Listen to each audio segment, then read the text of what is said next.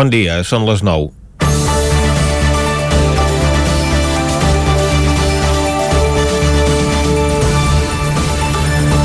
Avui era el dia que teníem previst obrir les estacions d'esquí catalanes. En un fet inèdit per les actuals circumstàncies, es van posar d'acord en obrir després del pont de la Puríssima tant les estacions públiques com les privades. Entre les primeres no és estrany que comparteixin criteri perquè totes estan en mans del mateix operador, Ferrocarrils a la Generalitat de Catalunya. Mentre que entre les privades sempre hi ha hagut la tradicional competència per veure qui és qui tenia abans les pistes en condicions per acollir els esquiadors més impacients. La intenció d'obrir de forma inusual en un dia feiner a mitja setmana obeïa el criteri de poder provar com funcionaven les mesures per evitar la propagació de la Covid-19 que totes han posat en marxa aquesta temporada sense el volum de visitants d'un cap de setmana. Ara també s'han posat d'acord a esperar a reobrir després que es prorrogués 15 dies més el confinament municipal de cap de setmana que converteix en inviable el funcionament d'una estació d'esquí amb l'esperança que quan en el següent tram s'ampliï el confinament a l'àmbit comarcal encara es pugui salvar alguna cosa perquè, sens dubte, aquesta temporada d'esquí apuntava manera si hagués estat un, un pont de la Puríssima normal i corrent. Sobretot al Ripollès, on la llevantada del darrer cap de setmana de novembre havia deixat les pistes de Vallter 2000 en un estat impecable per la pràctica de l'esquí i el fred també havia permès activar els canons de neu per millorar les condicions a Vall de Núria. En les dues estacions ripolleses, Ferrocarrils a la Generalitat hi havia fet inversions darrerament, del rendiment de les quals encara no se'n poden treure dades concloents perquè la passada temporada va quedar escapçada pel decret d'estat d'alarma del 14 de març, tot i que apuntava bones maneres, malgrat haver hagut de tancar alguns dies per culpa del temporal Glòria. Ara les dues estacions ho tenen tot a punt per obrir, però estan pendents de si milloren les dades epidemiològiques i ho poden fer en els propers dies. I no només n'estan pendents les pròpies estacions, sinó també l'economia de tota la comarca, que depèn dels visitants que porta la neu i dels llocs de treball que aquesta genera tant directes com indirectes. Un volum de negoci que supera els 80 milions d'euros és rellevant en una comarca petita com el Ripollès. Cal, doncs, esperar que la temporada pugui començar amb una relativa normalitat i, sobretot, que no falti l'element essencial que és la neu fins Setmana Santa per poder començar a sortir del pou. Tot el contrari, suposaria un fort cop a l'economia de les comarques de muntanya i per la supervivència de les pròpies estacions, que necessiten tasques de manteniment de les instal·lacions independentment que hi puguin arribar o no els esquiadors. Comencem Territori 17 a la sintonia del 9 FM, la veu de Sant Joan, Ona Corinenca, Ràdio Cardedeu i el 9 TV. Territori 17, amb Vicenç Vigues i Jordi Sunyer.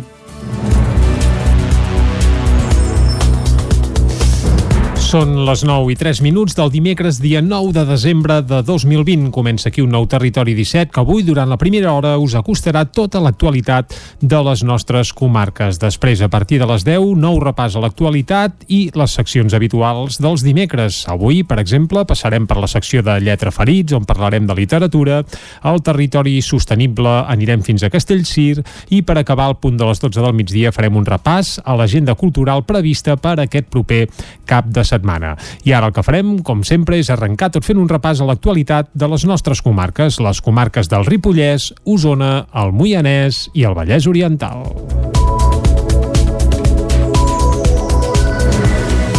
Un mort a l'accident de la C-17 a les Masies de Voltregà. Per causes que encara s'estan investigant, dos turismes van col·lidir frontalment. Dilluns al vespre a la C-17 a les Masies de Voltregà hi va morir el conductor d'un turisme. Quatre persones més van resultar ferides. Així mateix ho va confirmar el Servei Català de Trànsit. El sinistre es va produir poc després de tres quarts de set del vespre al punt quilomètric 69 en direcció Barcelona en terme de les Masies de Voltregà. Per causes que encara s'estan investigant, dos turismes van van col·lidir frontalment i a conseqüència de l'accident va morir el conductor i únic ocupant d'un dels dos turismes. A hores d'ara no s'ha fet pública la identitat de la persona que va morir. En l'altre cotxe hi viatjaven quatre persones, dues van resultar ferides menys greu i les altres dues lleus. Totes quatre van ser traslladades a l'Hospital de Vic. Arran de la incidència es va activar cinc patrulles dels Mossos d'Esquadra, quatre dotacions dels bombers de la Generalitat i quatre ambulàncies del sistema d'emergències mèdiques.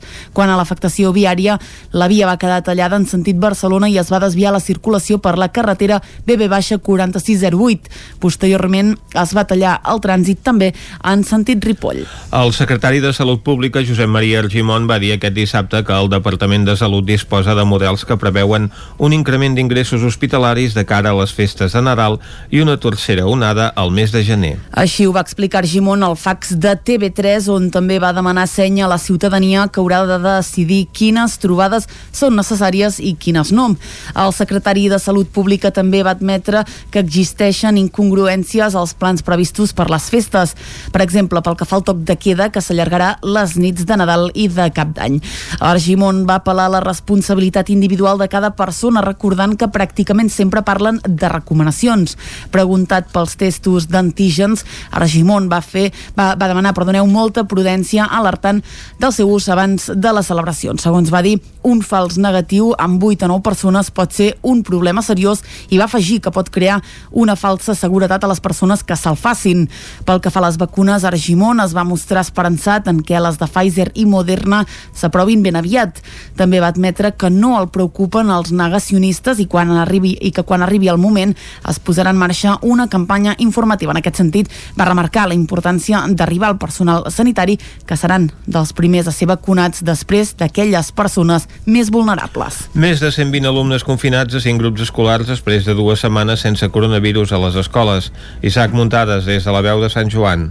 Després de dues setmanes sense que hi hagués persones confinades dels centres educatius del Ripollès, a finals de la setmana passada van tornar les males notícies i actualment, segons el portal Traçacovid del Departament d'Educació de la Generalitat de Catalunya, hi ha cinc classes confinades amb 121 persones aïllades. Ara per ara, l'Institut Abat Oliva de Ripoll és el centre més afectat per la Covid-19, ja que té tres classes confinades amb 77 alumnes aïllats de les classes 4-1 de quart d'ESO, 2-2 de segon d'ESO i 3-2 de tercer d'ESO. En els dos primers casos tornaran a les aules el pròxim dilluns dia 14 de desembre, mentre que en el darrer cas encara no se sap. L'altre centre educatiu més afectat de la comarca és l'Escola Doctor Robert de Camprodon, que ja és habitual en aquesta llista, tot i que només té una classe confinada amb 24 alumnes i un docent, a més de dos positius de nens que s'hi han detectat. En principi, com en el cas de l'Institut de Ripoll, també està previst que tornin el dilluns vinent. A Ripoll també hi ha un grup de cicle mitjà amb 17 alumnes i un professor confinats als Salesians, i en aquest cas la situació ha millorat respecte a la setmana passada, en què hi havia 36 persones confinades. A l'escola ripollesa també s'hi han diagnosticat dos casos positius d'alumnes. Finalment, també hi hauria un alumne confinat a l'Institut Germans Vilarriera de Camprodon des de fa uns dies. El Moianès passa el pont de la Constitució amb poques arribades noves de persones amb segones residències a la comarca. Caral Campàs, des d'Ona Codinenca. Tot i que la situació és variable segons cada municipi, en general el Moianès no s'ha vist augmentada la seva població durant aquest pont per l'arribada de persones que tenen una segona residència a la comarca. De fet, alguns alcaldes comenten que s'ha estabilitzat la situació. Això sí, des de l'inici de la pandèmia, alguns pobles han vist que alguns d'aquests residents esporàdics han convertit la vivenda del poble com la fixa. On s'ha vist més moviments aquests dies és a les poblacions més grans com Moià i Castellterçol. Sobretot eren persones joves nascudes a la comarca que estudien o treballen a Barcelona i Rodalies i que van tornar al Moianès a passar el pont. Es presenta la cooperativa Espavil, creada gràcies al suport del Punt d'Economia Social i Solidària de Cardedeu. David Oladell, de Ràdio Televisió Cardedeu. L'acte als Jardins Lluís Companys va comptar amb la participació del regidor de Desenvolupament Local i Transició Energètica, Ramon Arribas, el tècnic municipal del Centre de Suport Tecnològic de Cardedeu, Iago Calvet, i de dos dels tres associats de la nova cooperativa, Pere i Emili Coma. L'economia social i solidària és un dels eixos d'aquest govern com a proposta per fer una economia més justa, de rostre humà i de proximitat, i el projecte que van presentar recull aquestes característiques, contribueix a l'economia circular i té un impacte positiu en l'economia de Cardedeu, segons l'Ajuntament. La cooperativa Espavil és una empresa sense afany de lucre que treballa en la promoció dels productes del territori, l'agroecologia, el turisme i en la dinamització sociocultural. Segons Pere Coma, creuen en el sistema cooperatiu perquè és democràtic, perquè fa xarxa amb els serveis del municipi i amb els proveïdors locals i perquè contribueix a un impacte positiu amb l'entorn. En aquest sentit, el pas a cooperativa permetrà engegar nous projectes com la recent plantació que s'ha fet de 80 oliveres de la variant Vera, típica del Vallès Oriental, a la zona del Rieral. A Vic aquest cap de setmana s'hi hauria celebrat la 33a edició del Mercat Medieval, una proposta que l'Ajuntament va decidir anul·lar a finals d'estiu i que s'ha substituït per la Fira d'Artesans de Nadal. Les voltes de la plaça Major de Vic havien acollit fins ara el Mercat d'Artesans de Nadal, una proposta que va néixer ara fa 33 anys de la mà del Mercat Medieval i que enguany per primera vegada s'ha desplaçat a la Rambla del Passeig. Com és habitual, hi llueixen una trentena de parades. Amb el canvi d'ubicació, l'Ajuntament de Vic referma el seu compromís amb els firaires i els artesans de Vic i comarca i alhora garanteix que els visitants puguin assistir-hi amb seguretat. Titi Roca és el regidor de Fires i Mercats de l'Ajuntament de Vic però sí que sempre tenim aquesta consciència de que per gota que puguem ben organitzat amb les distàncies, amb els mecanismes que, que puguem posar o puguem posar a disposició com a ciutat, donar sortida, no? I, i en aquest sector d'artesans ells, ells viuen i el seu, el seu modus vivendi és, és poder muntar aquests mercats o aquestes fires, no? Per tant, jo crec que estan agraïts i és la, és la feina que ens toca. Mentre no es canvi de fase, els caps de setmana només hi podrà acudir públic local. És un dels reptes que enguany encara la Fira Nadalenca Titi Roca. Fins a última hora no vam saber si, si canviàvem de fase i per tant hi podia haver més mobilitat. Ens trobem amb que segurament estarem 15 dies o 3 setmanes amb aquesta mobilitat que ens toca, no? Uh, però bueno, uh, de moment hi ha molt ambient. Dic, uh, hi ha ambient, hi ha gent, animar la gent de, de que vingui i, i per tant, uh, de moment contents. La fira continuarà oberta els dies 19, 20, 23 i 24 de desembre i 2, 3 i 4 de gener. En total, 11 dies. Espinelves viu aquests dies amb calma inusual. La pandèmia ha obligat a suspendre la quarantena edició de la Fira de l'Avet, la cita més emblemàtica del municipi. No obstant això, la venda d'arbres nadalencs s'ha mantingut adaptant-se a la nova realitat i buscant nous canals. Ni cues de cotxes, ni visitants, ni parades, ni tampoc els tradicionals arbres nadalencs. És la insòlita imatge que presentava aquest cap de setmana Espinelves, una calma inusual que contrasta i molt amb l'enrenou que anualment comporta la Fira de l'Avet si no hagués estat per la pandèmia, aquest dissabte hauria arrencat la quarantena edició de la cita, la més emblemàtica del municipi. No obstant això, i lluny de les multituds habituals, fins demà dijous el poble espera rebre visitants aprofitant els dies sense confinament municipal. Joan Manuel Claveria és l'alcalde d'Espinelves. Eh, jo suposo que malgrat que s'ha suspès la fira la gent eh, que dimarts, de dimarts a dijous podrà venir continuaran venint encara que no trobaran cap parada. Els productors de vets del municipi confin, confien a mantenir el volum de vendes dels altres anys. Per fer-ho han hagut d'adaptar-se a nous canals de venda ho explica David Mas Ferrer, productor de vets de l'Arboretum Mas Joan d'Espinelves sobretot a contacte per, per WhatsApp mhm. -huh. ens demanaven fotografies de, dels arbres per triar, no? Aquest m'agrada més, aquest no? Sí, sí, sí i és, és un procés també de, de fet bastant més àgil perquè passem fotos de tots els angles de diferents arbres, llavors si els agrada un dels arbres en concret ja el deixem preparat, la gent ve amb el cotxe els hi carreguem el cotxe i ja, ja marxen també per evitar d'estar de, eh, el mínim de temps en contacte amb, amb la gent, perquè normalment venien les famílies senceres, eh, s'estaven allà una bona estona, triant quin arbre els agradava més, anar-los tocant, anar-los remenant, i això doncs, també comporta una miqueta més d'agilitat en el procés. Aquests dies al municipi no hi tenen previst organitzar cap acte en record de la fira. Haurà d'esperar l'any vinent per celebrar la quarantena edició. L'Ajuntament de Cardedeu lliura la medalla centenària de la Generalitat a Andreu Canet, David Auladell, de Ràdio Televisió Cardedeu. Andreu Canet, que va fer 100 anys el passat 30 de novembre, la setmana passada va rebre la medalla centenària de la Generalitat. L'alcalde de Cardedeu, Enric Oliver, acompanyat del regidor Ramon Arribas, es van personar al domicili del senyor Canet per fer lliurament d'aquest guardó. Es tracta d'una medalla personalitzada, acompanyada d'una carta signada pel conseller Shakir El Homrani, que inclou el nom de la persona i l'any de la celebració del centenari gravats. Canet, membre de la lleva del Viveró, es va mostrar molt agraït i emocionat pel reconeixement. En el decurs de la visita, el senyor Canet va explicar algunes anècdotes de la seva joventut i també de la Guerra Civil.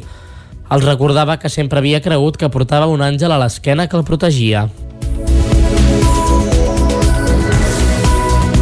I fins aquí el butlletí informatiu que us hem ofert amb les veus de Vicenç Vigues, Clàudia Dinarès, David Auladell, Caral Campàs i Isaac Muntades. I ara el que toca, com sempre aquí a Territori 17, és fer una ullada a la situació meteorològica.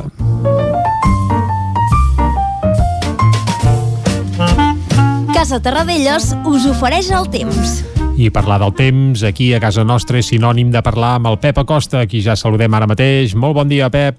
Hola, molt bon dia. I bona hora. Benvinguts a l'Espai del Temps. Gràcies, igualment. Ja estem aquí. Vinga. Avui, dimecres, amb sabor de dilluns, Sí, una després d'aquest pont de la Constitució i de la Immaculada, Uh -huh. mm, molt estrany, un, sense dubte el pont més estrany que segurament tots hem viscut. Uh, pel que fa al temps, Anem al temps. ha estat uns dies freds, dies uh, d'hivern.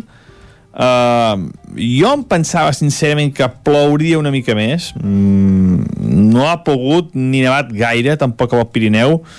Mm, Jo això sí que m'ho pensava, eh, que uh, no sé, que algun dia poder una mica més plouria, mm, més neu cap al Pirineu, al final no... poca cosa, uh -huh. uh, poques nevades, uh, que al Pirineu poder 5-10 centímetres, també una petita enfarinada cap al Montseny, molt poca cosa, mm, no, i, i pluges molt, molt escasses. Uh, dilluns vam tenir petits ruixats, Mm, jo pensava que seria una mica més humit, una mica més humit aquest cap de setmana, uh, aquest pont, però bueno, mm, Déu-n'hi-do, déu nhi déu el fred, el fred sí que ha sigut important, també ha fet vent, uh, un clima, com deia, 100% hivernal, i és el que toca. Estem contents perquè és el que toca. Ah, exacte. I aquesta nit també ha sigut freda, uh, 3 graus sota zero per a Fita, uh, 10 graus sota zero a Baiter 2000, 2 sota zero a Vilarrau, només són petits exemples de,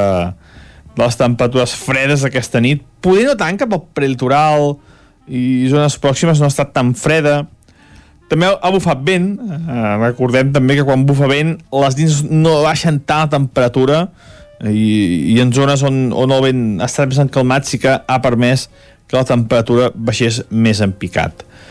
Uh, el temps d'avui. Mm, avui serà un dia d'impàs. Mm, no tindrem uh, precipitacions. Farà bastant de sol. Tindrem núvols i cada vegada més núvols. Cada més núvols. Se'ns acosta un front atlàntic però hi ha un canvi de tendència en aquests fronts. Uh, ja no venen amb tant aire fred. Seran fronts um, més càlids i, per tant, la temperatura a partir de demà començarà a pujar i ho farà moderadament. Però, bueno, no ens anticipem i anem pel dia d'avui. Com deia aquest matí, eh, sol i núvols, temperatures fredes, eh, fa fred, mm, fred d'hivern, eh, per tant cal abrigar-se. De cara al migdia, eh, tarda, vespre, cada vegada més núvols i de cara al vespre nit ja es taparà. Eh, ens visitarà aquest front, aquest front atlàntic, Uh, cada moment, uh, avui no portarà precipitacions, però sí que a vegada més núvols. Les temperatures màximes molt semblants, molt semblants als d'ahir, uh -huh. uh, cap al peritoral entre els 10 i els 15 graus, a l'interior uh, entre els 8 i els 10, i cap al Pirineu per sota d'aquests 8 graus. Fred, intens, durant tot el dia. I el vent, eh, que ahir va bufar bastant moderat, començarà a fluixar. Mm, aquest matí cap pot bufar una mica fort, però de cara a la tarda afluixarà bastant. I de cara a la matinada i demà, faig un petit abans, eh, tindrem aquest front, aquest front més càlid, que farà que la temperatura augmenti, eh, tindrem una mica de pluges, i les nevades ja a cota més alta, 1.600-1.700 metres. Però bueno, demà ho anem, ja ho concretarem demà, molt millor, i veurem si aquest front és, és mm, com sembla que serà poc actiu o si mica en mica es agafa més activitat i pot produir més pluges. Demà ho anirem concretant. De moment avui això està que molt clar, eh? De moment avui fred, sol i núvols i el vent que va afluixant. Dia 100% d'hivern. Moltes gràcies, fins demà, adeu. Vinga, Pep, doncs moltes gràcies també. Ara una breu pausa i anem a repassar les portades de la premsa d'avui. Casa Tarradellas us ha ofert aquest espai. Territori 17. Envia'ns les teves notes de veu per WhatsApp al 646 079 023. 646 079 023. WhatsApp Territori 17.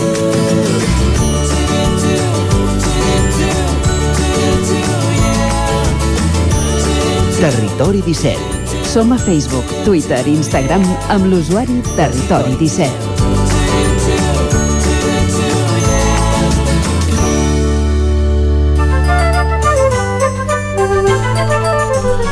Com que els diaris abriguen, avui amb aquest fred el que farem és anar cap al quiosc, Clàudia, a veure què treuen en portada. Bon dia de nou, Vicenç. Doncs si comencem amb les portades catalanes, comencem com sempre amb el punt avui que diu preparats pel 14 de febrer. Els principals partits ja han triat candidat a la presidència de la Generalitat. Junts i Esquerra Republicana juguen a les urnes el lideratge de l'independentisme. 127 candidats per ocupar les 18 primeres places a les quatre llistes de Junts per Catalunya. A la imatge el Barça humiliat per la Juve al Camp Nou. L'equip català per 0 a 3 acaba segon de grup i té al davant un futur molt complicat. Pel que fa a la pandèmia, baixa 0,98 la velocitat de transmissió restablert el trànsit ferroviari entre Blanes i Malgrat i l'acord comercial del Brexit ara més a prop. Anem al diari Ara, que diu cau el rendiment en matemàtiques i ciències a primària. Un informe de l'OCDE rebaixa el nivell dels escolars catalans en aquestes matèries des del 2015. El Ministeri d'Educació alerta que augmenta la bretxa de gènere en les notes de matemàtiques. A la imatge hi veiem la primera vacunada, és la Margaret Keenan, de 90 anys, que es va convertir en la primera persona a rebre la vacuna. I avisem que aquesta imatge és la mateixa exactament que veurem al periòdico, a La Vanguardia, al País i a l'ABC, tot i que la resta de portades també es fan ressò d'aquesta notícia, excepte, com hem vist, el punt avui que en portada doncs, no en diu res. Més coses, Johnson retira de la llei els articles que violaven el tractat del Brexit per facilitar l'acord. En esports, Cristiano doblega el Barça, els blaugranes perden amb estrèpit a casa contra la Juve i el Comitè d'Ètica Pública recomana no sancionar a Bosch. Aragonès ajorna la decisió i demanarà un nou informe jurídic. Anem al periòdico que entrevista a Josep Maria Argimon, director de l'Institut Català de la Salut, que diu que Catalunya serà immune a la tardor. El Nadal del 2021 serà millor. El portaveu sanitari de la pandèmia avisa que no és descartable una tercera onada al mes de gener. Apela a la responsabilitat general de la població i admet que el rastreig és millorable. A la imatge hi veiem la primera vacunada a Europa. La britànica Margaret Keenan és la primera pacient que rep el medicament sense formar part d'un assaig. Dos titulars més. La infanteria contra la Covid diu relats de la principal operació científica a Espanya i en esports. El Barça humiliat i relegat a la Champions per la Juventus. Anem a l'avantguàrdia que diu nous estudis confirmen la seguretat i eficàcia de les vacunes. Els voluntaris a qui s'ha inoculat el fàrmac d'Oxford tenen bona salut mentre creixen les expectatives sobre el de Pfizer. Aquí tornem a veure Margaret Keenan, diu l'exemple de la primera vacunada. Margaret Keenan, no he dit com és la fotografia, però surt amb cadira de rodes després de ser vacunada mentre una, un, un grup de, de personal sanitari doncs, la rep amb aplaudiments. Més coses, les restriccions al trànsit porten al límit la capacitat del centre comercial de Barcelona. La inversió en startups es manté a l'alça a Europa i s'enfonsa a Espanya. Pablo Casado intenta blindar-se de la pressió de Vox i els militars retirats i en clau internacional Biden opta per un militar negre com a responsable de defensa. I ens has dit que les portades de Madrid avui també doncs, obren amb la mateixa temàtica. Exactament, comencem amb el país que parla del repte de la vacunació que es posa en marxa a Europa. El Regne Unit, primer país en subministrar el fàrmac de Pfizer a la població. Nous estudis reforcen la, seguri, la seguretat i l'eficàcia de la immunització. Tornem a veure, doncs, a Margaret Keenan, que rep aquests aplaudiments després de ser vacunada. Més coses. L'alumnat espanyol diu deficient en ciències. Els resultats dels estudiants de primària empitjoren en l'informe de l'OCDE, ja ho hem comentat a les portades catalanes en política. El Partit Popular s'obre a renovar el Consell General del Poder Judicial després de les catalanes amb una condició, si no hi ha indults. I en clau internacional, el Suprem rebutja l'intent de Trump de revertir la seva derrota electoral. Amb aquest titular anem al Mundo, que alerta parla d'uns mails del cosí de l'emèrit, uns mails que el rei um, hauria enviat a la Corina, la seva ex-amiga En fi, agafen unes declaracions del cosí que diu Corina hauria de tornar 3 milions dels vols que va fer sola. Els missatges de la fundació que controla Álvaro de Orleans, que és el cosí del rei, eh, diuen que pagava des de Suïssa jets privats a la íntima de Joan Carles primer. Uh, en fi, és un dels titulars del Mundo que també diu Boris Johnson vacuna als majors i cedeix en el Brexit.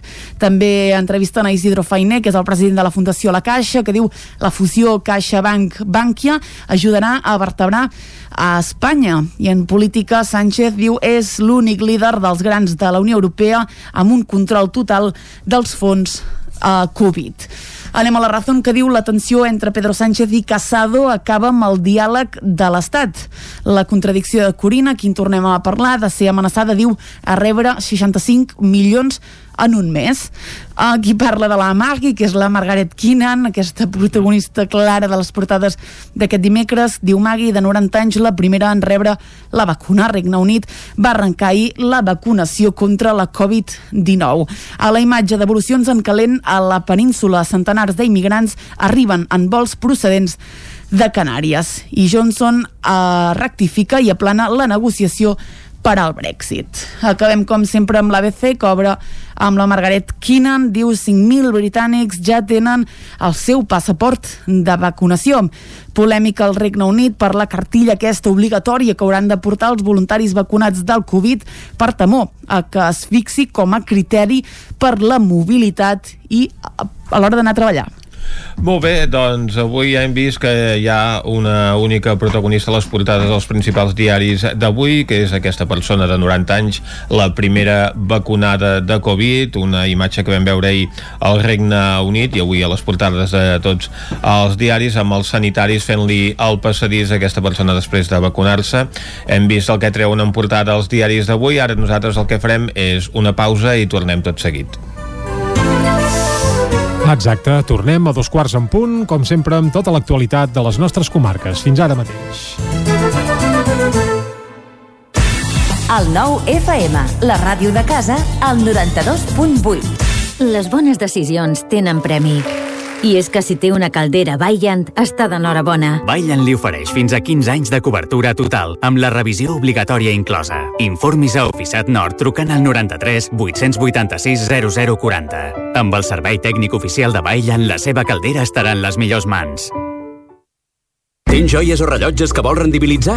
Demana una valoració gratuïta a Comprem Or, especialistes en la compra de joies, diamants i rellotges. T'ofereixen transparència, discreció i la màxima taxació. Troba la teva botiga a compremor.com o truca al 938 101 342. Recorda, són els originals, els de la moneda. Comprem Or, Rambla de Vallada 7, Vic.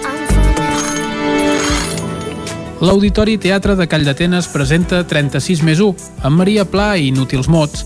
El 12 de desembre a les 9 del vespre, 36 més 1, a l'Auditori Teatre de Call d'Atenes. Anuncia't al 9FM. La màquina de casa. 9 3 8 8 9 4 9 4 9. Publicitat arroba al 9FM.cat. Anuncia't al 9FM. La publicitat més eficaç. Amb Pradell estalvio energia i cuido la meva butxaca i el medi ambient. Posa't en mans de Pradell. Són experts en calderes de gas i condensació, estufes de pèl·let, energia solar, terres radiants, geotèrmia i aerotèrmia. Pradell instal·la calderes de biomassa per a particulars i per a empreses. Si vols estalviar un 50% en consum, contacta amb Pradell i passa't a les energies renovables. Pradell som a l'Avinguda Països Catalans 27 de Vic. Telèfon 93 885 1197. Pradell.cat. Us desitgem bon Hi ha una màgia que no té truc. És la màgia de compartir una estona amb algú i parlar-hi. Vols practicar català? Vols ajudar algú a parlar-lo? Apunta't al voluntariat per la llengua. El programa de les parelles lingüístiques a vxl.cat. Perquè quan parles, fas màgia. Generalitat de Catalunya. 100 milions i mig de futurs. Cada territori té un atractiu, o més d'un. El fruit, el paisatge, la seva gent, les pedres... Camins de l'Eix. Descobrint el capital de terra endins. Camins de l'Eix, dissabte a les 9 del vespre al 9 TV. Aquesta setmana, els cingles de Bertí, amb el suport de la Generalitat de Catalunya. 7 milions i mig de futurs. A Catalunya, el 30% de les famílies no tindrà una llar digna on celebrar aquestes festes. I més de 280.000 persones ni tan sols podran menjar el dia de Nadal. Cada gest compta. Fes un donatiu a caritascatalunya.cat i fes que Nadal arribi a totes les llars. Bon Nadal. Però per a tothom. El nou FM, el nou FM, el nou FM. Territori 17, amb Vicenç Vigues i Jordi Sunyer. Són dos quarts de deu en punt d'avui dimecres, dia 9 de desembre de 2020 i seguim aquí en directe a Territori 17 i el que toca ara és acostar-vos de nou tota l'actualitat de les nostres comarques. Ja ho sabeu, les comarques del Ripollès, Osona, el Moianès i el Vallès Oriental.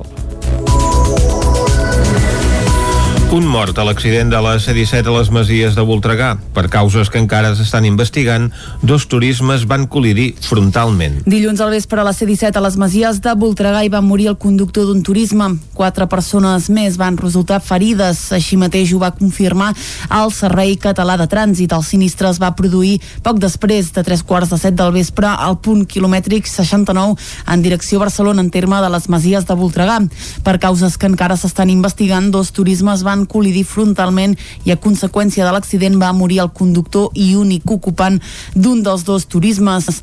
A hores d'ara no s'ha fet pública la identitat de la persona que va morir.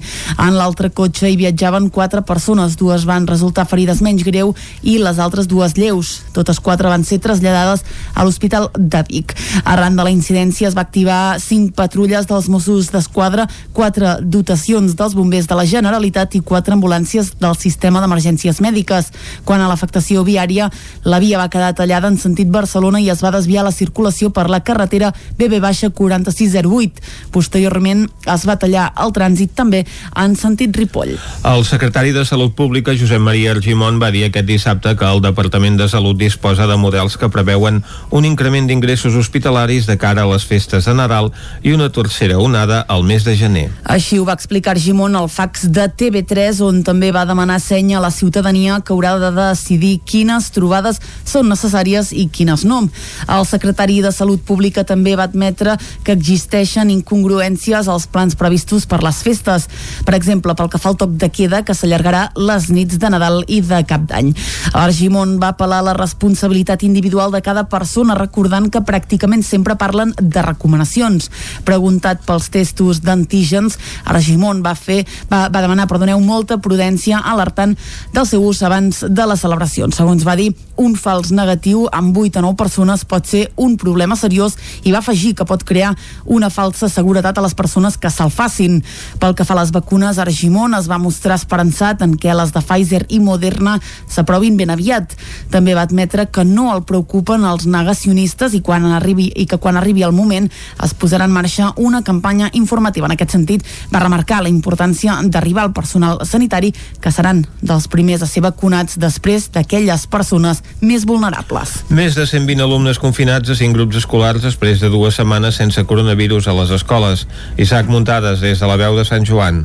Després de dues setmanes sense que hi hagués persones confinades dels centres educatius del Ripollès, a finals de la setmana passada van tornar les males notícies i actualment, segons el portal Traçacovid del Departament d'Educació de la Generalitat de Catalunya, hi ha cinc classes confinades amb 121 persones aïllades. Ara per ara, l'Institut Abat Oliva de Ripoll és el centre més afectat per la Covid-19, ja que té tres classes confinades amb 77 alumnes aïllats de les classes 4-1 de quart d'ESO, 2-2 de segon d'ESO i 3-2 de tercer d'ESO. En els dos primers casos tornaran a les aules el pròxim dilluns dia 14 de desembre, mentre que en el darrer cas encara no se sap. L'altre centre educatiu més afectat de la comarca és l'Escola Doctor Robert de Camprodon, que ja és habitual en aquesta llista, tot i que només té una classe confinada amb 24 alumnes i un docent, a més de dos positius de nens que s'hi han detectat. En principi, com en el cas de l'Institut de Ripoll, també està previst que tornin el dilluns vinent. A Ripoll també hi ha un grup de cicle mitjà amb 17 alumnes i un professor confinats als Salesians, i en aquest cas la situació ha millorat respecte a la setmana passada, en què hi havia 36 persones confinades. A l'escola ripollesa també s'hi han diagnosticat dos casos positius d'alumnes. Finalment, també hi hauria un alumne confinat a l'Institut Germans Vilarriera de Camprodon des de fa uns dies. El Moianès passa el pont de la Constitució amb poques arribades noves de persones amb segones residències a la comarca. Caral Campàs, des d'Ona Codinenca. Tot i que la situació és variable segons cada municipi, en general al Moianès no s'ha vist augmentada la seva població durant aquest pont per l'arribada de persones que tenen una segona residència a la comarca. De fet, alguns alcaldes comenten que s'ha estabilitzat la situació. Això sí, des de l'inici de la pandèmia, alguns pobles han vist que alguns d'aquests residents esporàdics han convertit la vivenda del poble com la fixa. On s'ha vist més moviments aquests dies és a les poblacions més grans com I Castellterçol. Sobretot eren persones joves nascudes a la comarca que estudien o treballen a Barcelona i Rodalies i que van tornar al Moianès a passar el pont. Es presenta la cooperativa Espavil, creada gràcies al suport del Punt d'Economia Social i Solidària de Cardedeu. David Oladell, de Ràdio Televisió Cardedeu. L'acte als Jardins Lluís Companys va comptar amb la participació del regidor de Desenvolupament Local i Transició Energètica, Ramon Arribas, el tècnic municipal del Centre de Suport Tecnològic de Cardedeu, Iago Calvet, i de dos dels tres associats de la nova cooperativa, Pere i Emili Coma. L'economia social i solidària és un dels eixos d'aquest govern com a proposta per fer una economia més justa, de rostre humà i de proximitat, i el projecte que van presentar recull aquestes característiques, contribueix a l'economia circular i té un impacte positiu en l'economia de Cardedeu, segons l'Ajuntament. La cooperativa Espavil és una empresa sense afany de lucre que treballa en la promoció dels productes del territori, l'agroecologia, el turisme i en la dinamització sociocultural. Segons Pere Coma, creuen en el sistema cooperatiu perquè és democràtic, perquè fa xarxa amb els serveis del municipi i amb els proveïdors locals i perquè contribueix a un impacte positiu amb l'entorn. En aquest sentit, el pas a cooperativa permetrà engegar nous projectes com la recent plantació que s'ha fet de 80 oliveres de la variant Vera, típica del Vallès Oriental, a la zona del Rieral. A Vic aquest cap de setmana s'hi hauria celebrat la 33a edició del Mercat Medieval, una proposta que l'Ajuntament va decidir anul·lar a finals d'estiu i que s'ha substituït per la Fira d'Artesans de Nadal. Les voltes de la plaça Major de Vic havien acollit fins ara el Mercat d'Artesans de Nadal, una proposta que va néixer ara fa 33 anys de la mà del Mercat Medieval i que enguany per primera vegada s'ha desplaçat a la Rambla del Passeig. Com és habitual, hi llueixen una trentena de parades. Amb el canvi d'ubicació, l'Ajuntament de Vic referma el seu compromís amb els firaires i els artesans de Vic i comarca i alhora garanteix que els visitants puguin assistir-hi amb seguretat. Titi Roca és el regidor de Fires i Mercats de l'Ajuntament de Vic però sí que sempre tenim aquesta consciència de que per gota que puguem ben organitzat amb les distàncies, amb els mecanismes que, que puguem posar o puguem posar a disposició com a ciutat, donar sortida, no? I, i en aquest sector d'artesans ells, ells viuen i, el seu, el seu modus vivendi és, és poder muntar aquests mercats o aquestes fires, no? Per tant, jo crec que estan agraïts i és la, és la feina que ens toca. Mentre no es canvi de fase, els caps de setmana només hi podrà acudir públic local. És un dels reptes que enguany encara la Fira Nadalenca Titi Roca. Fins a última hora no vam saber si, si canviàvem de fase i per tant hi podia haver més mobilitat. Ens trobem amb que segurament estarem 15 dies o 3 setmanes amb aquesta mobilitat que ens toca, no? Uh, però bueno, uh, de moment hi ha molt ambient. Dic, uh, hi ha ambient, hi ha gent, animar la gent de, de que vingui i, i per tant, uh, de moment contents. La fira continuarà oberta els dies 19, 20, 23 i 24 de desembre i 2, 3 i 4 de gener. En total, 11 dies. Espinelves viu aquests dies amb calma inusual. La pandèmia ha obligat a suspendre la quarantena edició de la Fira de l'Avet, la cita més emblemàtica del municipi. No obstant això, la venda d'arbres nadalencs s'ha mantingut adaptant-se a la nova realitat i buscant nous canals. Ni cues de cotxes, ni visitants, ni parades, ni tampoc els tradicionals arbres nadalencs. És la insòlita imatge que presentava aquest cap de setmana Espinelves, una calma inusual que contrasta i molt amb l'enrenou que anualment comporta la Fira de l'Avet si no hagués estat per la pandèmia, aquest dissabte hauria arrencat la quarantena edició de la cita, la més emblemàtica del municipi. No obstant això, i lluny de les multituds habituals, fins demà dijous el poble espera rebre visitants aprofitant els dies sense confinament municipal. Joan Manuel Claveria és l'alcalde d'Espinelves. Eh, jo suposo que malgrat que s'ha suspès la fira la gent eh, que dimarts, de dimarts eh, a dijous podrà venir continuaran venint encara que no trobaran cap parada.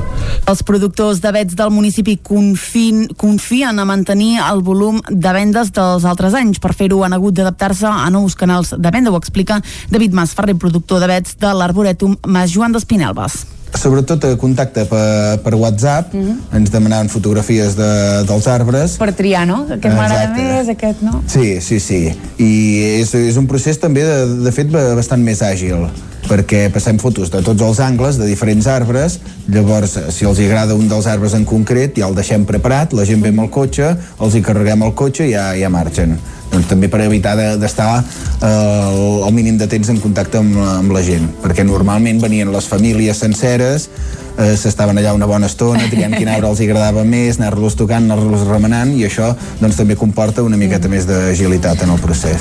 Aquests dies al municipi no hi tenen previst organitzar cap acte en record de la fira. Haurà d'esperar l'any vinent per celebrar la quarantena edició.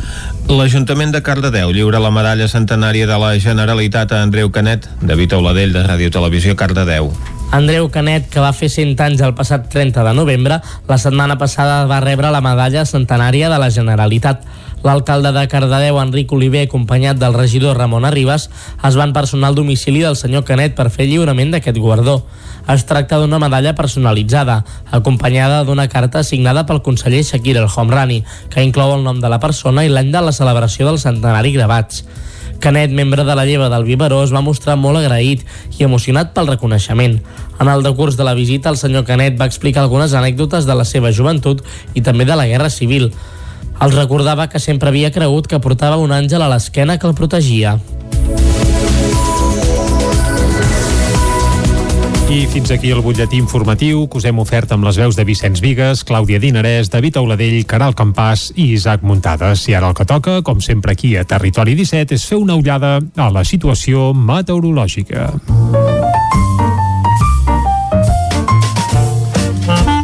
Casa Terradellos us ofereix el temps. I parlar del temps aquí a casa nostra és sinònim de parlar amb el Pep Acosta, qui ja saludem ara mateix. Molt bon dia, Pep. Hola, molt bon dia. I bona hora. Benvinguts a l'Espai del Temps. Gràcies, igualment. Ja estem aquí.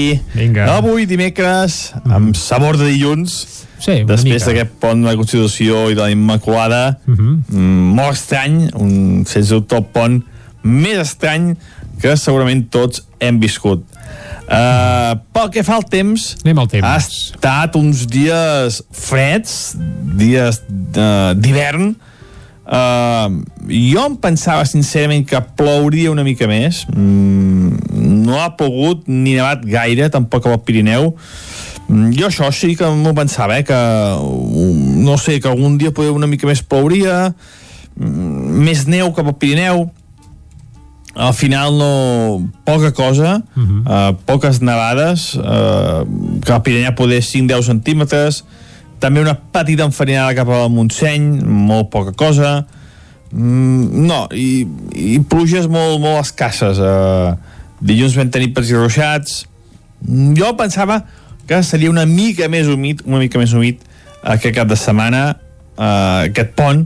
Però bueno, mm, Déu-n'hi-do, déu nhi déu fred, el fred sí que ha sigut important, també ha fet vent, uh, un clima, com deia, 100% hivernal, i és el que toca. Estem contents perquè és el que toca. Ah, exacte. I aquesta nit també ha sigut freda, uh, 3 graus sota zero per a Fita, uh, 10 graus sota zero a 2000, 2 sota zero a Vilarrau, no són petits exemples de, de les temperatures fredes d'aquesta nit. Poder no tant cap al prelitoral i zones pròximes no ha estat tan freda. També ha bufat vent. Eh, recordem també que quan bufa vent les dins no baixen tant la temperatura i, i en zones on, on el vent ha estat més encalmat sí que ha permès que la temperatura baixés més en picat. Uh, el temps d'avui. Mm, avui serà un dia d'impàs. Mm, no tindrem uh, precipitacions. Farà bastant de sol. Tindrem núvols i cada vegada més núvols, cada vegada més núvols. Se'ns acosta un front atlàntic, però hi ha un canvi de tendència a aquests fronts. Uh, ja no venen amb tant aire fred. Seran fronts um, més càlids i, per tant, la temperatura a partir de demà començarà a pujar i ho farà moderadament. Però, bueno, no ens anticipem i anem pel dia d'avui. Com deia aquest matí, eh, sol i núvols, temperatures fredes, eh, fa fred, mm, fred d'hivern, eh, per tant cal abrigar-se. De cara al migdia, eh, tarda, vespre, cada vegada més núvols, i de cara al vespre nit ja es taparà. eh, ens visitarà aquest front, aquest front atlàntic, eh, que moment eh, avui no portarà precipitacions, però sí que a vegada més núvols. Les temperatures màximes molt semblants, molt semblants als d'ahir, uh -huh. eh, cap al peritoral entre els 10 i els 15 graus, a l'interior eh, entre els 8 i els 10, i cap al Pirineu per sota aquests 8 graus. Fred, intens, durant tot el dia. I el vent, eh, que ahir va bufar bastant moderat, començarà a fluixar. Mm, aquest matí cap pot bufar una mica fort, però de cara a la tarda afluixarà bastant. I de cara a la matinada i demà, faig un petit abans, eh, tindrem aquest front, aquest front més càlid, que farà que la temperatura augmenti, eh, tindrem una mica de pluges, i les nevades ja a cota més alta, 1.600-1.700 metres. Però bueno, demà ho anem, ja ho concretarem demà, molt millor, i veurem si aquest front és, és mm, com sembla que serà poc actiu o si mica en mica es agafa més activitat i pot produir més pluges. Demà ho anirem concretant. De moment avui això està que molt clar, eh? De moment avui fred, sol i núvols i el vent que va afluixant. Dia 100% d'hivern. Moltes gràcies, fins demà, adeu. Pep, doncs moltes gràcies també. Ara una breu pausa i anem a repassar les portades de la premsa d'avui. Casa Tarradellas us ha ofert aquest espai.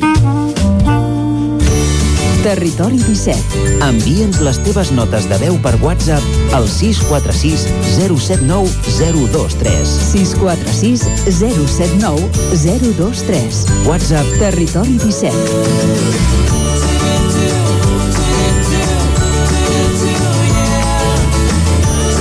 Territori 17. Som a Facebook, Twitter i Instagram amb l'usuari Territori 17.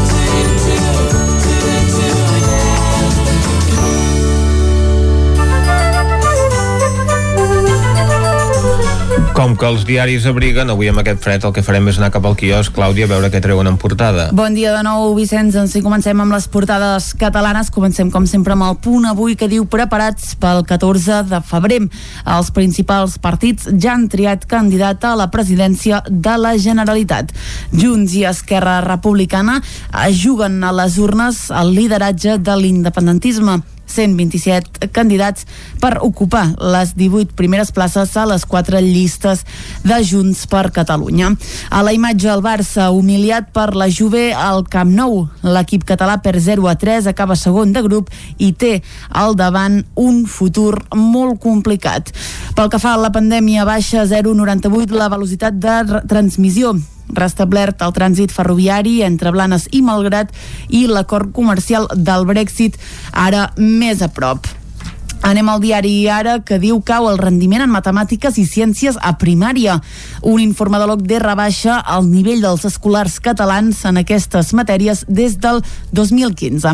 El Ministeri d'Educació alerta que augmenta la bretxa de gènere en les notes de matemàtiques.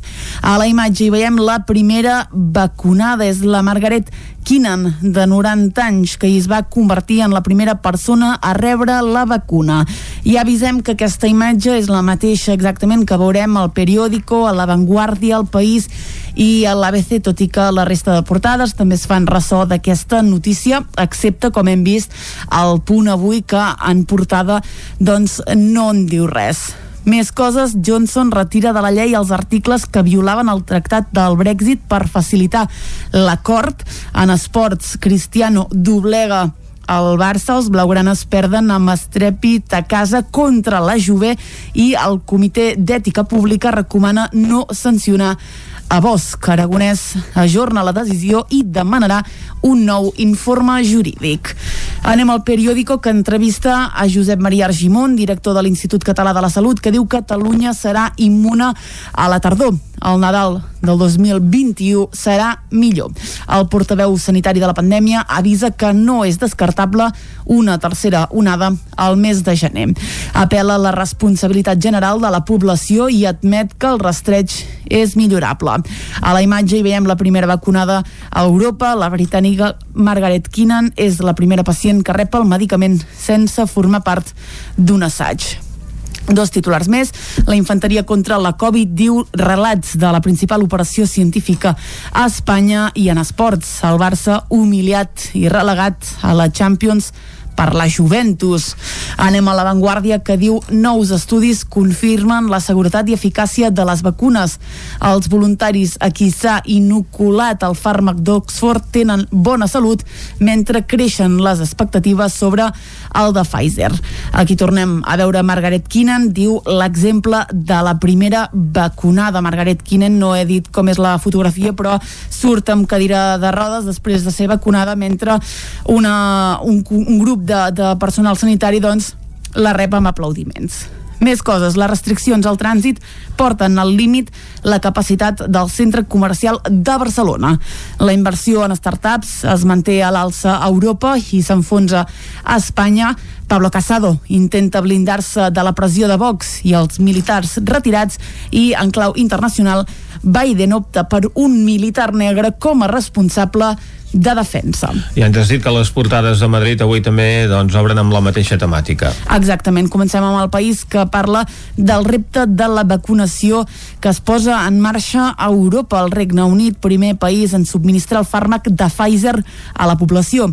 Nous estudis reforcen la, seguri, la seguretat i l'eficàcia de la immunització. Tornem a veure, doncs, a Margaret Keenan, que rep aquests aplaudiments després de ser vacunada.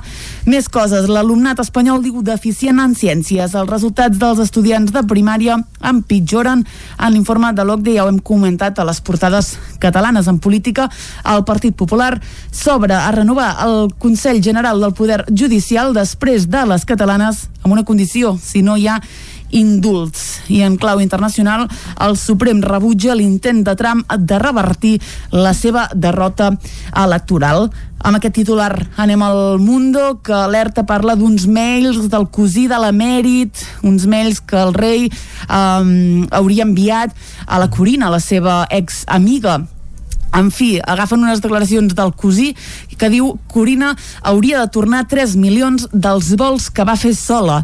Els missatges de la fundació que controla Álvaro de Orleans, que és el cosí del rei, eh, diuen que pagava des de Suïssa jets privats a la íntima de Joan Carles primer. Uh, en fi, és un dels titulars del Mundo que també diu Boris Johnson vacuna als majors i cedeix en el Brexit. També entrevisten a Isidro Fainé, que és el president de la Fundació La Caixa, que diu la fusió Caixa-Banc-Bànquia ajudarà a vertebrar a Espanya. I en política, Sánchez diu és l'únic líder dels grans de la Unió Europea amb un control total dels fons uh, Covid. Anem a la raó que diu la tensió entre Pedro Sánchez i Casado acaba amb el diàleg de l'Estat. La contradicció de Corina, qui en tornem a parlar, de ser amenaçada, diu a rebre 65 milions en un mes. Aquí parla de la Maggie, que és la Margaret Keenan, aquesta protagonista clara de les portades d'aquest dimecres. Diu Maggie, de 90 anys, la primera en rebre la vacuna. Regne Unit va arrencar ahir la vacunació contra la Covid-19. A la imatge d'evolucions en calent a la península, centenars d'immigrants arriben en vols procedents de Canàries. I Johnson eh, rectifica i aplana la negociació per al Brexit.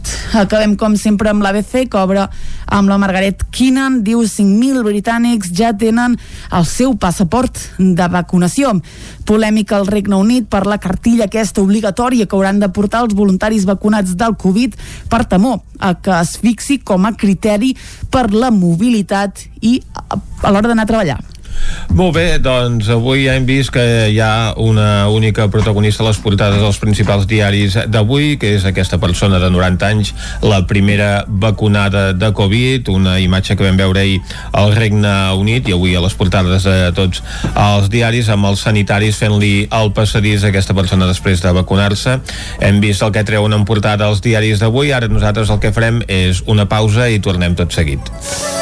Bé, a la pausa ja la donem per feta, Vicenç, i ens Molt bé. de ple a l'apartat musical que dediquem cada dia al final de Territori 17. I avui... Al final de la eh, primera hora. Bé, la primera hora, la primera hora, tens raó, tens raó. No, no ens, uh, vaja, no, no ens passem de rellotge, però avui volem anar al rellotge, i és que volem recular 40 anys, uh, musicalment parlant, i uh, perquè ahir es va complir això, el 40è aniversari de la mort, bé, de l'assassinat de John Lennon. Mhm. uh, Mark David Chapman li va etzibar cinc trets i quatre es veu que, que el van tocar i pobre el van deixar estès eh, a les portes de casa seva a Nova York.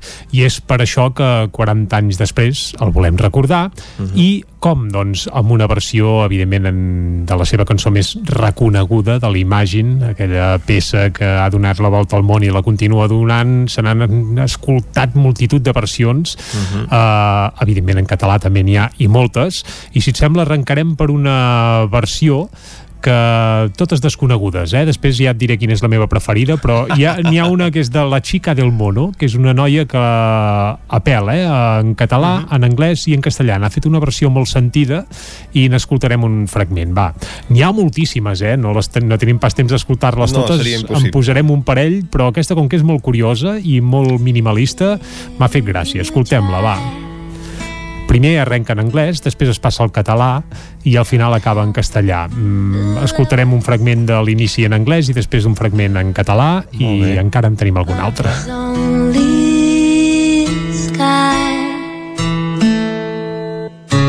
Imagine all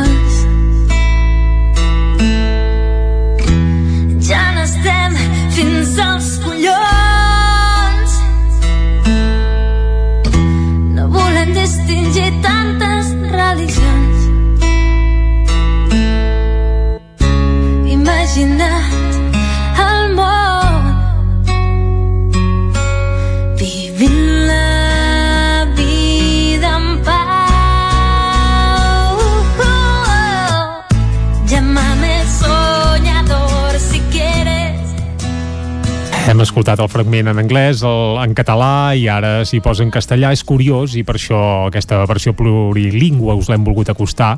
I sobretot amb aquest ja n'estic fins als collons perquè la traducció més famosa en català, eh, l'adaptació més famosa de la lletra és la que va fer en el seu moment l'Isidor Marí del ZUC, aquells eivissencs, suposo que el recordes, Vicenç? I tant. Mític ZUC. Doncs bé, l'Isidor Marí en va fer una adaptació bestial que, bé, la va fer als anys 70, per tant ja té, té una edat aquella adaptació i la meva versió preferida de l'imatge en català és precisament agafant la lletra de l'Isidor Marí i la van fer en el seu moment els Tralla, el recordes els Tralla, un grup de folk sí, sí, i cançó senyor. Eh, liderats pel Xavi Múrcia i la Mirna Vilassís. Mhm. uh, no sé què se n'ha fet dels Tralla. Crec que, bé, bàsicament crec que uh, han plegat veles i ara el Xavi Múrcia tira en solitari la Mirna també i de tant en tant com a bé, tenen uns espectacles per a públic familiar com a Sanfaina de colors però vaja, Sí, perquè com a tralla la cosa no va sí, durar molt no, temps. Però vaja, però eh, ja et dic, jo em vaig quedar amb aquesta versió i és la meva Mhm. preferida, però no la posarem aquesta, aquesta busqueu-la per internet. Volem acabar amb una mica més d'alegria i empenta, i és que n'he trobat una que és bestial. És d'un senyor que es diu Joaquín Mañana, eh, de nom Joaquín, de cognom Mañana, però ha fet una versió així molt desenfadada, alegre i, i la veritat és que molta conya marinera de, de l'Imagine i evidentment és en català també i em sembla que podríem acabar amb aquesta perquè ens deixarà un bon regust de boca, sí? Doncs escoltem-lo, a veure què és el que ens proposa. I n'hi ha moltíssimes més, eh? Sí, si aneu sí. a internet, imagina en català, en trobareu com a mínim 30 o 40 i segur que n'hi ha centenars. I ja no diem eh, arreu del món, perquè és una de les cançons segurament eh, més globals de, de la història. Uh Mhm. -huh. Amb aquest record a John Lennon, amb aquest Imagine, eh, arribarem fins al punt de les 10, sí? I tant. Doncs anem-hi. Qui Aviam canta ara, atenció, és el Joaquín Mañana. Escoltem-lo. Ni política, ni financiers. Imagineu tota la gent vivint tots en pau. Podeu dir que somia però jo ja sé que no estic sol. Mm -hmm. Veniu, doncs, amb nosaltres i serem com un sol món. Imagineu un repte que no hi ha possessions ni més fam ni més codícia. Que tots són germans i prou. Imagineu a tothom compartint el món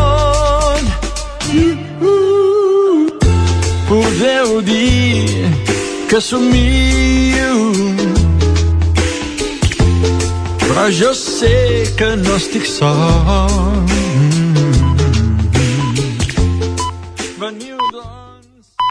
A les 10 en punt torna la informació de les nostres comarques, les comarques del Ripollès, Osona, el Moianès i el Vallès Oriental.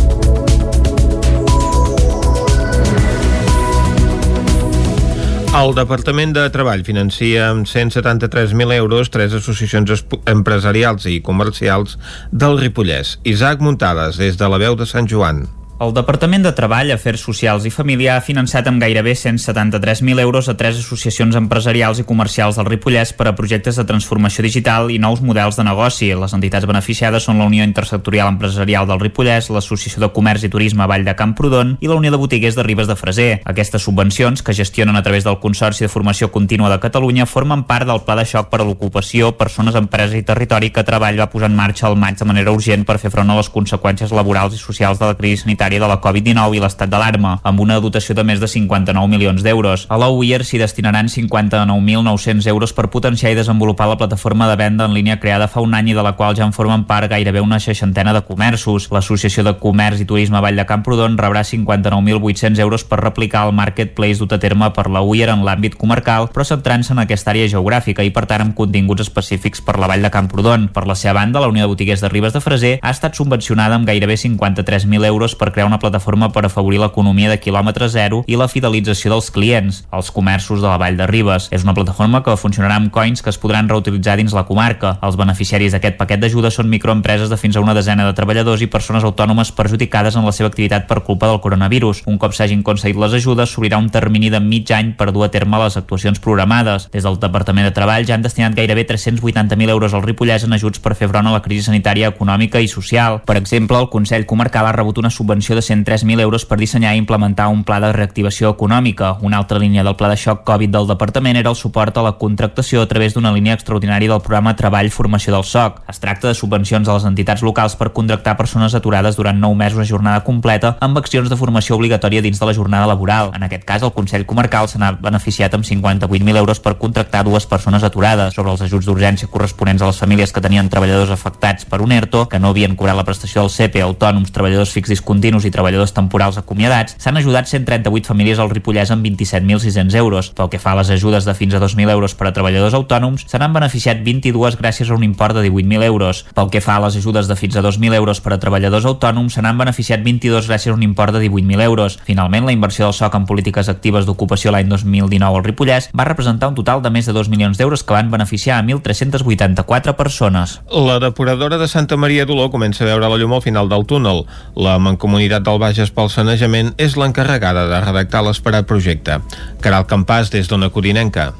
El conveni entre la Mancomunitat i l'Agència Catalana de l'Aigua es va aprovar el passat 16 de novembre. Aquest és el primer pas per començar a treballar en el projecte de la nova instal·lació, unes obres molt esperades a la població moianesa. Escoltem l'alcalde de Santa Maria d'Oló, Xavier Baraut.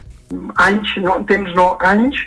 Eh, nosaltres, eh, finals del mandat anterior de, de, de l'Enric, ja estava, havia fet alguna reunió amb VACA i semblava que la cosa anava avançant més ràpid, llavors amb el tema pandèmia per descomptat es va parar tot i ara per fi sembla que veiguem una mica al, al final del túnel tot i això és, és embrionari i, i pensem que encara tardarem però bueno, com a mínim que vagi avançant que és el que ens interessa.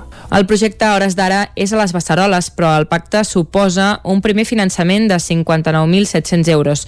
De moment no hi ha data per l'inici de les obres ni se sap on s'ubicarà la depuradora, però des de l'Ajuntament s'espera que el procés no s'allargui massa. Baraut explica els passos que cal fer ara. El projecte, un cop eh, s'aprovi el projecte, bueno, es faci el projecte, perdó, eh, l'ha d'aprovar l'ACA, per descomptat, i un cop eh, l'ACA l'aprovi i estigui endavant, llavors s'ha de firmar un segon conveni per a la realització de les obres. Vull dir que és una cosa que, que ha de seguir el seu, el seu timing, el seu temps, però bueno, nosaltres estem contents pel, pel primer pas, que, que és molt important aquest, aquest projecte. L'alcalde d'Oló també ha afirmat que la construcció de la instal·lació és bàsica i necessària per tots els habitants del municipi. Actualment només es disposa d'una petita depuradora al Raval de Santa Eulàlia que abarca una part de la població. L'ens encarregat de redactar el projecte, la Mancomunitat de Municipis del Bages pel Sanejament, té com a objectiu la gestió i explotació del sistema d'evacuació i tractament d'aigües residuals residuals de diversos pobles del Bages i el Moianès, com és el cas també de Santa Maria d'Oló. Aquest dilluns va començar la campanya per escollir els primers llocs a la junta de les llistes de Junts per Cat de cada demarcació, un cop proclamada Laura Borràs com a candidata a la presidència, que acabarà amb la votació per part de la militància durant el cap de setmana. Entre els 70 candidats que es presenten per escollir els 8 primers llocs de Barcelona, part dels ja anunciats de l'alcaldessa de Vic, Anna R. i Carles Furriols, també hi ha el diputat nascut a Vic, Josep Puig, l'alcalde de Balanyà, Carles Valls, i el segon tinent d'alcalde de Call d'Atenes, Miquel Riera. L'ordre a la llista s'establirà pel nombre de vots i en compliment dels criteris de paritat. La comunitat índia de Vic es va manifestar dissabte a la tarda en contra de les reformes del govern indi que posen en perill la subsistència dels agricultors. Una trentena de persones de la comunitat índia de Vic es van concentrar dissabte a la tarda a la plaça Major de Vic. Es manifestaven per donar suport a les seves famílies majoritàriament de l'estat de Punjab, al nord de l'Índia, que suposen a les reformes del govern indi.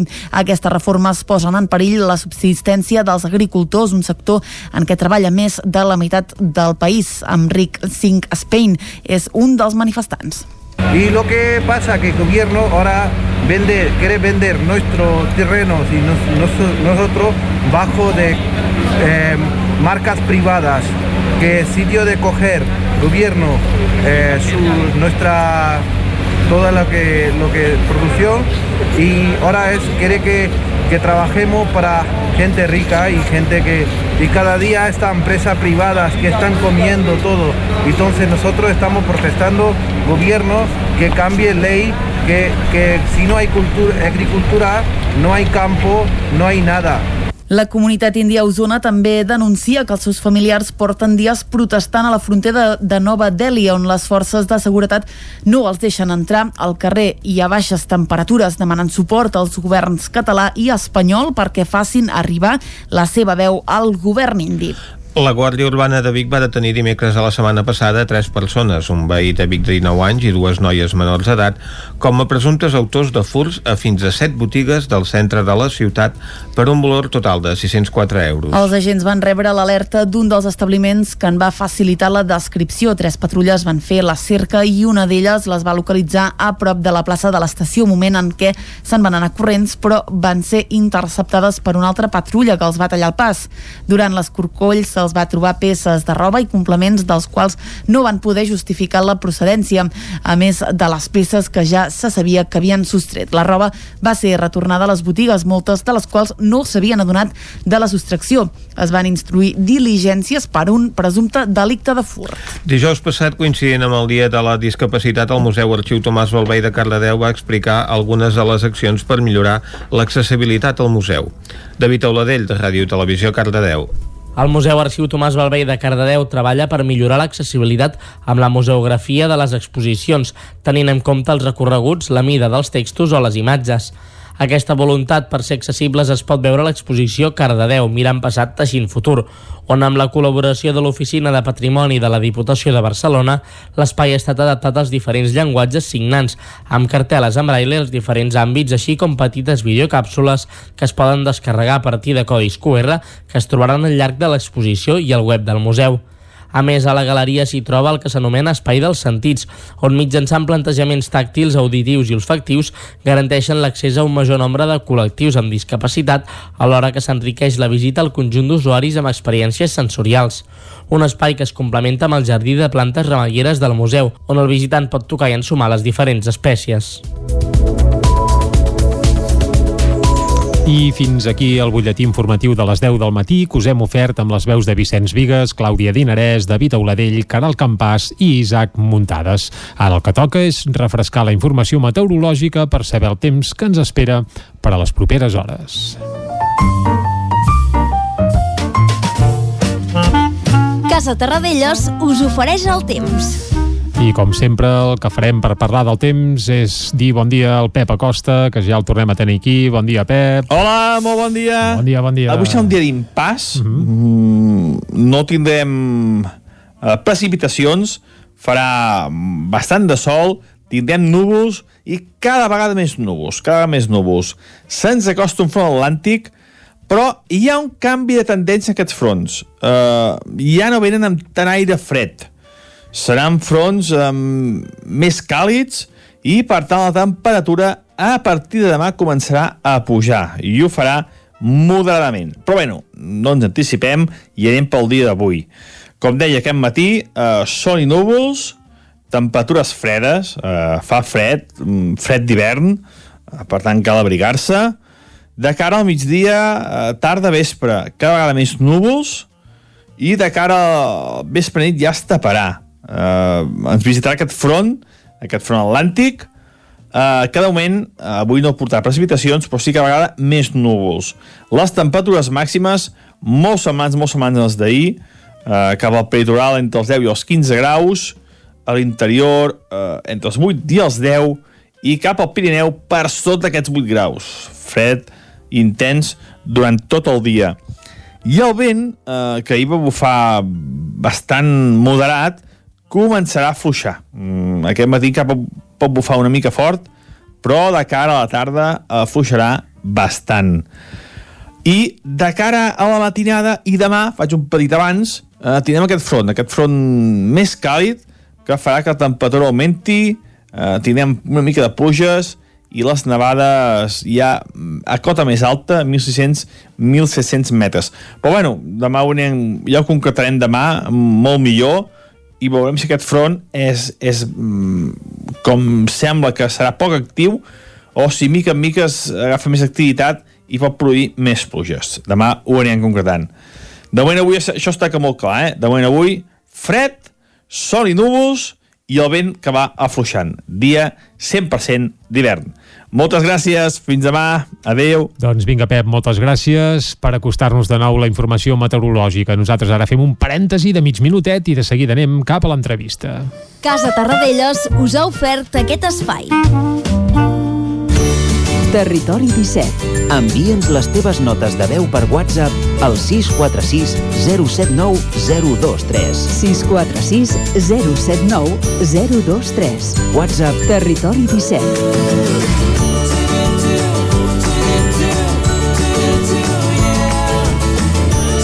Territori 17. Som a Facebook, Twitter i Instagram amb l'usuari Territori 17.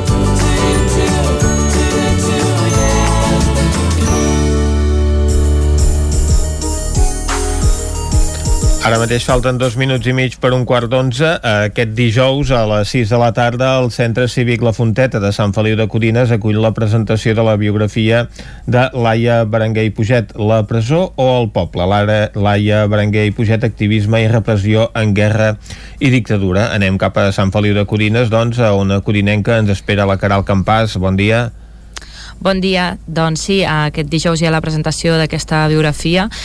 Laia Berenguer va ser primera alcaldessa de la història de Sant Feliu de Codines, una dona molt destacada políticament, amb trajectòria al PSUC i presa política durant el franquisme. Serà un acte patrocinat pel Memorial Democràtic de la Generalitat i també per l'Associació Catalana d'Expresos Polítics del Franquisme. Tot i que el pròxim Lletra Ferits que fem des d'Ona Codinenca parlarem amb l'autor, avui tenim al telèfon telèfon a Marià Hispano, historiador de Sant Feliu de Codines i coordinador de l'obra per parlar una mica de l'acte de demà i del llibre. Bon dia, Marià.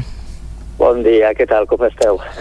Molt bé, uh, explica'ns una mica com sorgeix la iniciativa d'impulsar aquesta biografia. Mira, jo fa anys, parlem del 2004, eh? que em vaig assabentar que la Nàdia Baro, que estava estudiant tancant la carrera d'Història, va fer un, un treball amb el Borja de Riquer, que també ha estat veí, diguem-ne, de Sant Feliu, sobre la, sobre la Laieta, sobre la Laia Berenguer. Llavors em va semblar d'allò més interessant promou, promoure aquesta obra. El que passa que hem trigat anys perquè és difícil trobar recursos i, bueno, tancar bé l'obra, no? I llavors jo vaig llegir-me aquest treball, em va semblar magnífic i molt ben dirigit pel Borja de Riquer, i llavors li vaig comentar a la Nàdia si podíem impulsar aquest projecte de cara a configurar aquesta biografia i que quedi dins la memòria democràtica de Sant Feliu, no? I, i ara s'acaba la història amb la publicació d'aquest llibre. I quin ha estat el teu paper com a coordinador de tot aquest projecte que ens has explicat doncs, que s'ha dilatat molt amb el temps perquè eh, habitualment el que costa doncs, amb aquestes iniciatives, com comentaves, és trobar recursos per tirar-les endavant. Sí, trobar recursos i trobar el moment, perquè -huh. parlar de la guerra civil, parlar de la repressió, també, vull dir, són temes, no diria conflictius, però sí difícils de tractar en, en àmbits d'història local i llavors el que es tractava era d'entrar al tema de la memòria democràtica des d'un treball ben fet i ben, ben dirigit, no? I en aquest cas jo el que he intentat sobretot és generar un context en l'obra de, la, de la Nadia Baro que eh, tingués també com a protagonistes a gent del poble, no? Mm -hmm. perquè jo sóc de Sant Feliu i creia important no només importar una obra d'una persona a Barcelona, sinó implicar doncs, des de l'alcaldessa, el Toni Verdaguer, a la Dolors Folk com a amiga de la Laieta, és a dir, crear aquest entorn de proximitat. No? Uh -huh. I era necessari aquest recull perquè no hi havia cap obra publicada que tractés exclusivament i concretament la figura de Laia Berenguer o sí, o sí que n'hi havia d'alguna obra publicada exclusivament de la seva vida? No, no, ha estat la primera i jo per això estava uh -huh. molt interessat, no? per, per anar, o sigui, per intentar, per lluitar, perquè no quedés ningú fora de la fotografia de la història d'aquest poble, no? Vull dir, ens trobem amb un personatge que viu una repressió, que viu un moment molt difícil i que, en certa manera, sense voluntat, diguem-ne, reaccionària ni molt menys, normalment aquestes històries es deixen una mica de banda i jo creia important que bueno, va haver-hi una part de la població de Sant Feliu que va lluitar per la república i per la democràcia que tenim ara i que aquesta gent havia de tenir el seu espai com els altres, eh, en la història del poble. Uh mhm. -huh. eh? Aquesta era la voluntat, eh? vull dir, de que la foto de Sant Feliu de Codines dels seus ciutadans hi sortís tothom. No? Perquè la Laia Berenguer va ser alcaldessa de Sant Feliu del 1988 al 1990. Abans havia militat al PSUC, havia estat exiliada a França, havia format part de l'Assemblea de Catalunya i també va estar tancada a la presó.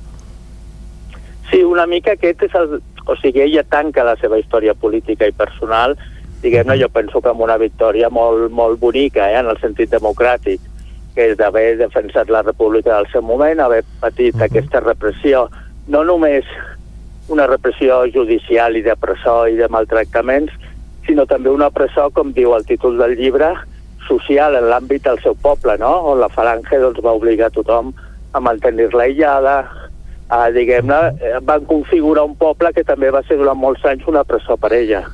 No? I en aquest sentit crec que és molt bonic que la lluita d'una persona que ha estat, diguem-ne, que ha combatut per la democràcia acabi sent alcalde del poble. No? Penso que segur que la Laieta va reconèixer en aquell moment una victòria personal i emocional molt important, no? I què va suposar per la vila tenir-la com a alcaldessa? Quins canvis eh, va incorporar al poble? Jo penso que va ser tancar, en aquest cas, de, amb un, des d'un, en un nivell local, tancar una transició al mateix poble, no? Vull dir, una persona que, que va viure les condicions en les, en les que ella va viure, assolir el càrrec d'alcalde, era una, va ser com el fet del Felipe González a l'estat espanyol, no? Va ser el moment en el que se senta, jo crec que definitivament la democràcia al poble, no? amb una alcaldessa comunista, amb una dona, eh, que tenia el recorregut que ja tenia. Jo penso que pel poble va ser molt important en el sentit de tancar ferides i de, i de reconduir o de consolidar una democràcia, no?, a nivell local. Perquè la repressió franquista va ser molt dura a Sant Feliu?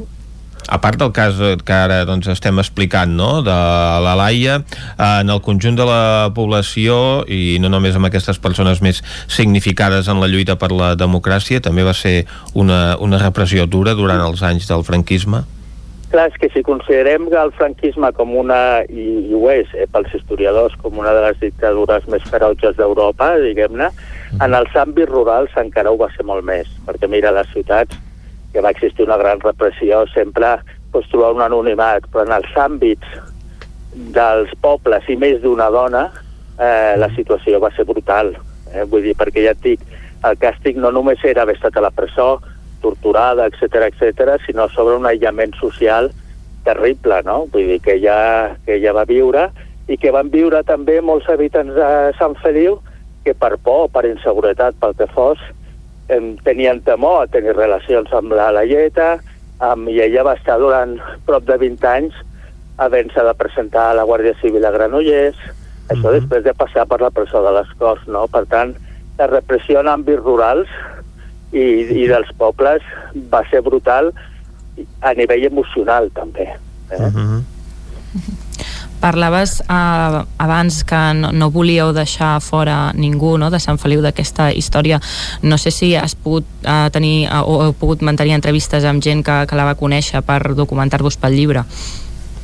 Sí, jo, vaja, eh, d'entrada el llibre és un llibre que es basa perquè, clar, quan tu com a historiador vols cercar fons per, per, per, per reescriure o per escriure la història dels represaliats, et trobes que no tens fons.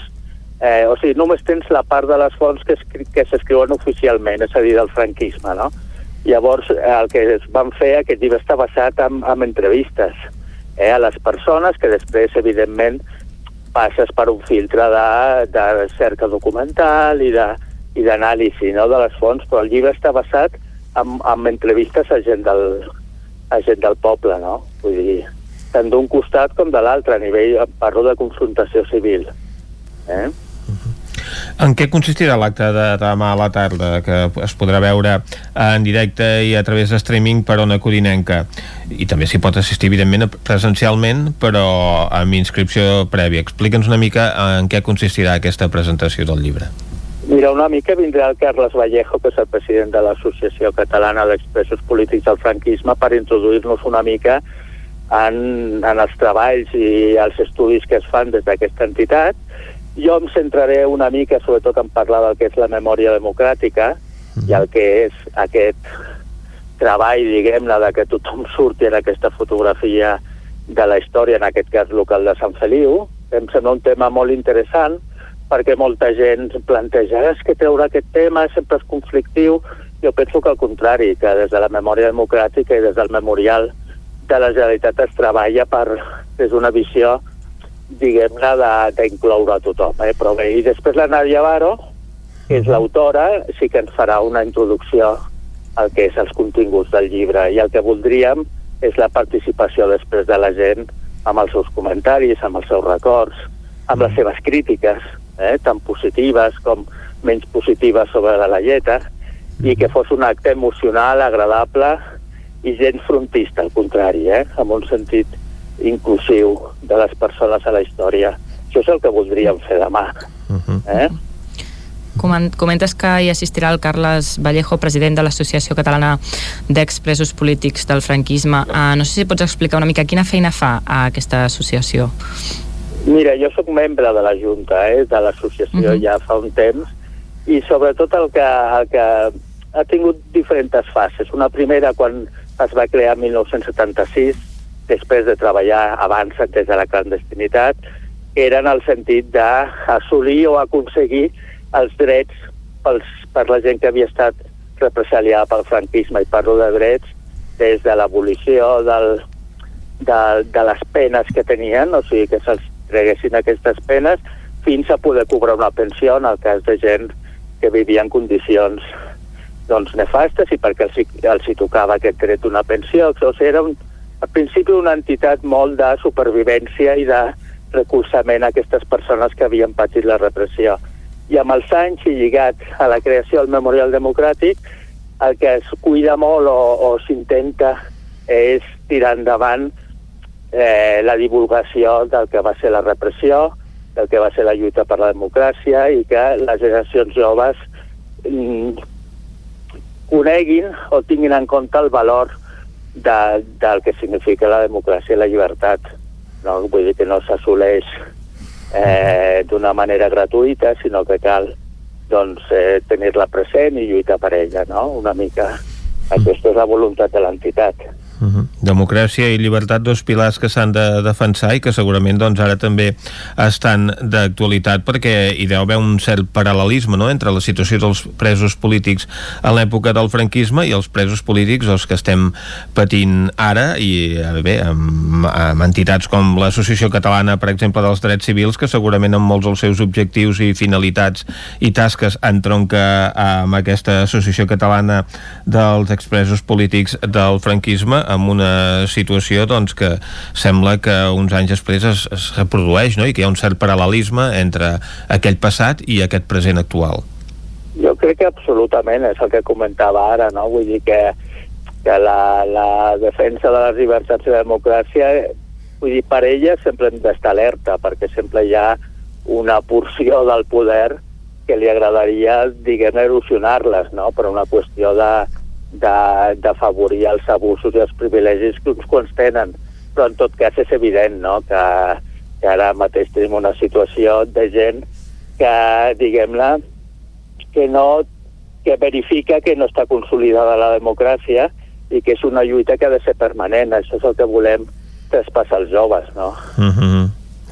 Doncs Marià Hispano, coordinador d'aquesta obra La presó o el poble, Laia Berenguer i Puget, activisme i, i repressió en guerra i dictadura. Moltes gràcies per acompanyar-nos avui. No, moltes gràcies a vosaltres i felicitats pel programa.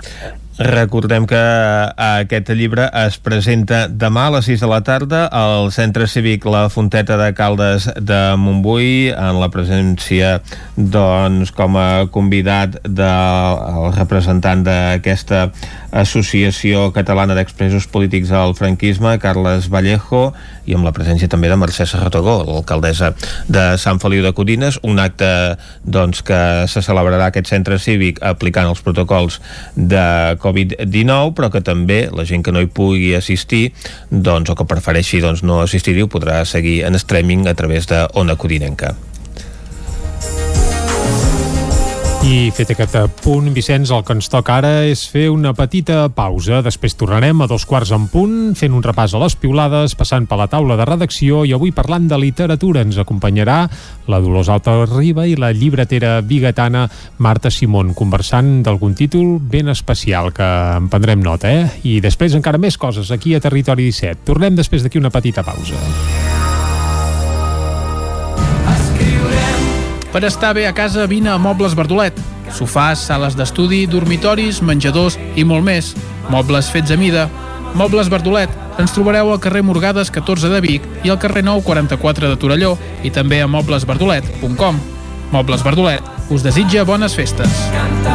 Pastisseria Atzavara obre les portes amb la besneta de Joan Cors. La quarta generació seguirà elaborant les famoses tortades i pastissos tradicionals.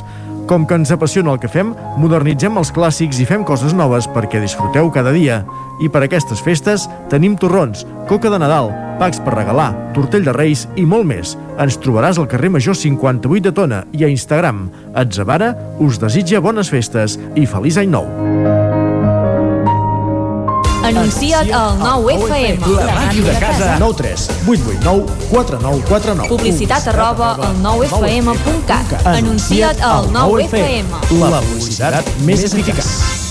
Només pensar en passar aquesta nit sense calefacció amb aquest fred? No es preocupi, hem analitzat a fons la caldera i de seguida quedarà reparada i en funcionament. Quan tingui un problema amb la seva caldera, vagi directament a la solució. Truqui sempre al servei tècnic oficial de Saunier Duval i despreocupis, perquè som fabricants i coneixem les nostres calderes peça a peça. Informis a Oficiat Nord trucant al 938860040. Saunier Duval, sempre al seu costat. Òptica Visual Opti3. Regala qui estimis, visió, salut, protecció, prevenció i moda. Per tu, regala't una revisió visual completa. Visual Opti3, la teva òptica. Ens trobaràs a Facebook, Instagram, visualopti3.com i a la plaça Major 39 de Vic. La Fogonera, resistència gastronòmica. És un restaurant? És un rostidor? És La Fogonera, la cuina en directe des de GURB, on encarregues, ho vens a buscar i ara també t'ho portem a casa. La Fogonera, resistència gastronòmica. Ara, amb la fogonera de dia, amb aperitius, arrossos, segons plats i postres. I quan cau la nit, ens transformem en un popurri culinari. Búrguers, pizza, pasta... Truca al 93 851 55 75 o entra a lafogonera.cat. La Fogonera, el teu aliat gastronòmic. Farmàcia Vilaplana, productes de cosmètica de marca pròpia Lierac i Nux. Farmàcia Vilaplana, vine a veure els nostres packs de productes d'higiene i cosmètica per a aquestes festes. Regala salut i bellesa als que més estimes. Farmàcia Vilaplana. Ens trobaràs a la plaça Major 17 de Vic i també a Facebook i Instagram. El nou FM, el nou FM, el nou FM, el nou FM, el nou FM.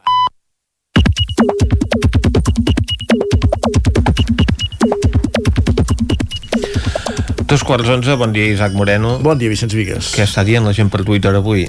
Mal dia pels seguidors del Barça. Això, eh, avui, demà, demà passat, i em sembla que no haurem de parlar durant de molt temps d'aquesta mala etapa del Barça. Ferran Polo, una altra gran nit europea pel Futbol Club Barcelona. Agustí Danés, el partit del Barça és un desastre, però el més preocupant és la sensació de desgavell generalitzat a tots nivells. Cap criteri al camp, cap idea a la banqueta, cap autoritat a la llotja, ara mateix un club orfe de tot. I cap cèntim a la Guardiola. A Guardiola has dit? A la Guardiola. Pep Acosta. Pep Acosta. Quin desastre de temporada. Com ha deixat el club aquesta junta que hem tingut Guillem Freixa, un desgavell al camp, un solar a la llotja i la caixa buida. Crec que ve una llarga travessia del desert abans que el Barça no torni a estar entre els millors clubs d'Europa. Jordi Anento, un déu, Messi i 10 inútils. Li respon Jordi Vilarrodà, aquí ja no se salva ni Déu. Anento, Messi sí que se salva. De fet, sort en tenim d'ell, és l'únic que sap el que, el que juga. Des de Torelló, Eduard Febrer, estem en aquell punt que en el mercat d'hivern haurem de fitxar Davids i Albertini.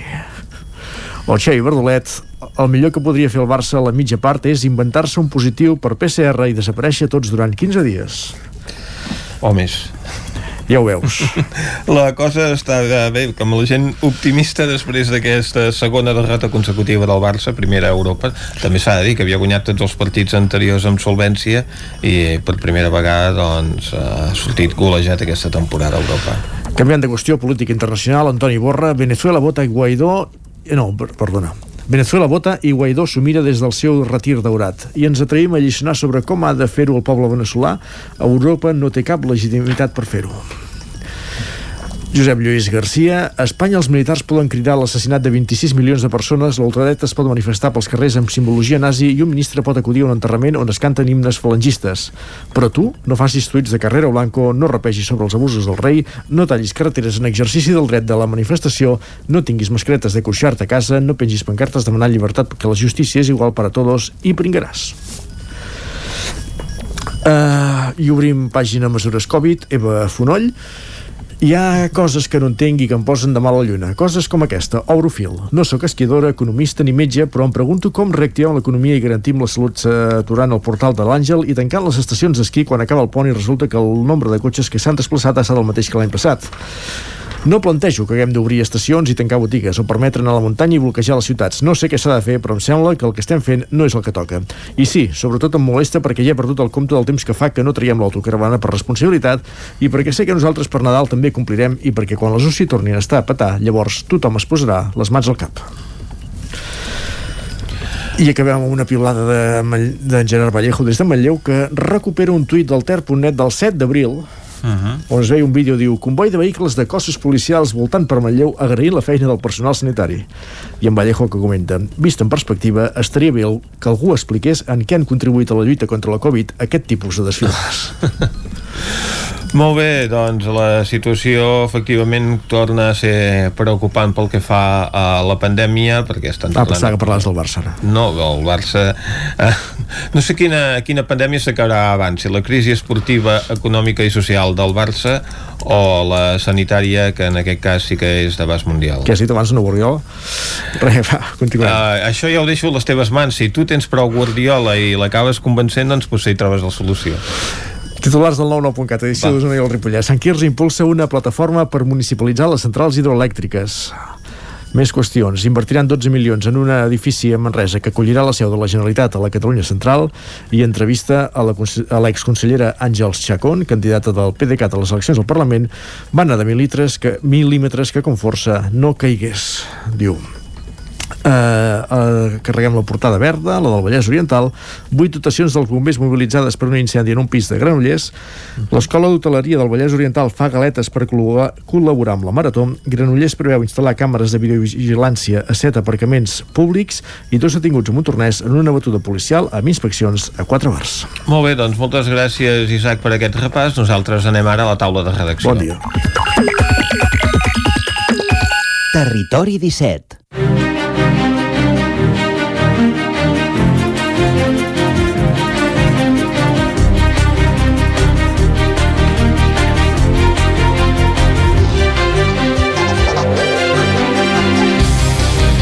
La taula de redacció qui ens acompanyen són en Guillem Rico i en Miquel R.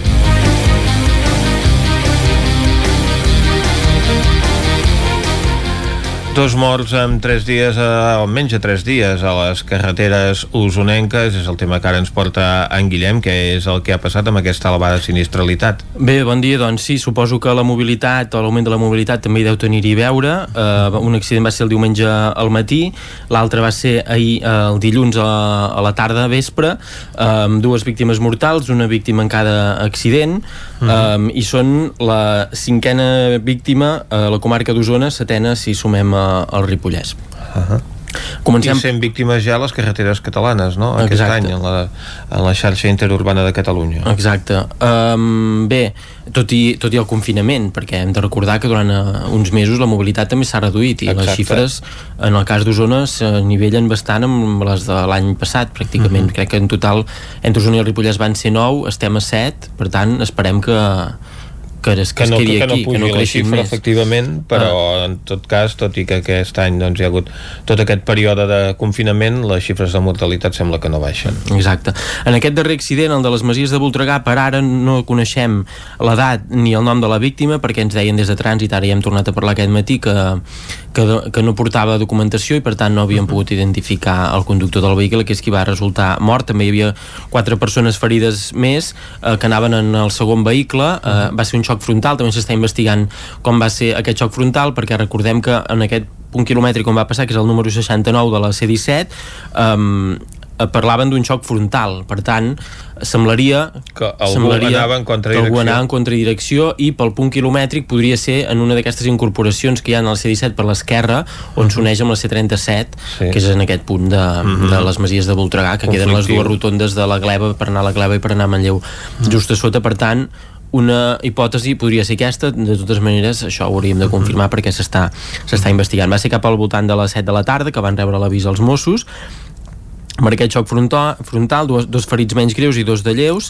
eh, que es van traslladar a l'Hospital de Vic es va també tallar a la carretera es van fer desviaments per la, per la BB baixa 4608 i va estar tallat doncs, durant, durant una bona estona. Uh, just això, enca uh, poc més de 24 hores abans, perquè uh -huh. això era dilluns al, al vespre, uh, el diumenge al matí, hi va haver una altra víctima mortal, en aquest cas va ser un atropellament a la recta que en diem d'entre Vic i Manlleu, a la B522. Uh -huh. o sigui, en aquest cas la víctima no anava en no vehicle, anava amb sinó, cotxe, que anava sinó que anava a peu. Uh, I llavors s'està investigant també les causes. Aquesta persona estava caminant per la recta de Vic. En principi aquest accident va ser això en direcció Manlleu, uh, hi va haver aquest atropellament passava un vehicle uh, a prop a tocar el tancant de, de Malars Uh -huh. Eh, just hi ha, hi ha molts canvis de resant en, aquest, en aquesta carretera perquè fa aquestes pujades i baixades eh, i, i va haver-hi que aquesta víctima també s'està s'està investigant doncs, com hauria anat. Això va ser al voltant de, de quarts de set del matí diumenge a quarts de set del matí. També era fosc. També era fosc i això és un veí de Manlleu de 36 anys en aquest cas. I com dèiem la segona víctima no, no ho tenim clar.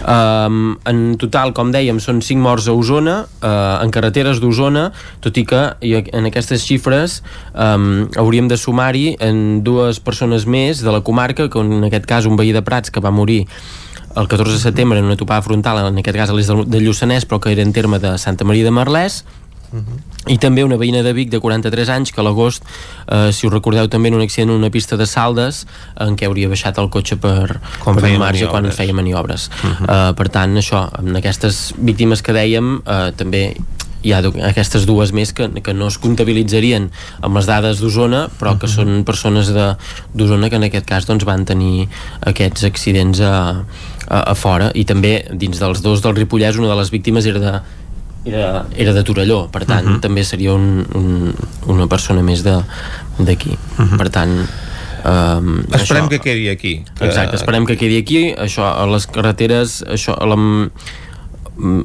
dos d'aquests accidents han estat a, a la C-17 aquest, aquest de, de dilluns, el darrer i un altre també a, al maig a, a Tona per tant, uh -huh. uh, bé esperem que això que dèiem, que no, que no augmentin més aquestes, aquestes xifres i estarem pendents de si hi ha alguna informació nova d'aquestes investigacions que s'estan fent amb aquests dos accidents Mm. D'acord, doncs, eh, si hi ha cap novetat des d'aquí també l'explicarem. Moltes gràcies, Guillem. Anem a parlar amb en Miquel R. Ens parlarà d'una de les tradicions nadalenques, els pessebres, que aquest any podem veure en aparadors, oi, Miquel? Correcte, canviem de, de registre, una Sí, registre sí. més amable. Sí que és veritat que és un sector del passebrisme que, com tots, també està afectat per la pandèmia. Recordem que hi ha algunes de les grans eh, agrupacions de passebristes de la comarca com seria el cas de Roda de Ter, to- eh, Tavèrnoles, que també tenia una proposta molt singular, Sant Pere hem de veure que acaben de fer a última hora, alguns d'aquests han anul·lat ja les seves mostres, a vegades perquè també els implica un treball de treballar conjuntament en, un, en uns locals durant moltes hores, i llavors també per la, complica, la complicació de, de regular també l'accés a aquests locals. En canvi, davant d'aquestes circumstàncies a Vic, a Vic recordem que hi havia hagut dues, dues també agrupacions passabistes molt potents que fa anys que estan inactives, i el que ha agafat una mica el testimoni d'això és una associació de veïns, que ja és curiós, l'associació de veïns de Vic Nord, que eh, ara feia quatre edicions que organitzaven diferents punts, perquè també ens, eh, ho han anat fent de caràcter itinerant, una mostra col·lectiva aquest any, eh, veient també que seria complicat, se'ls va ocórrer aquesta idea de fer-ho als aparadors de les botigues.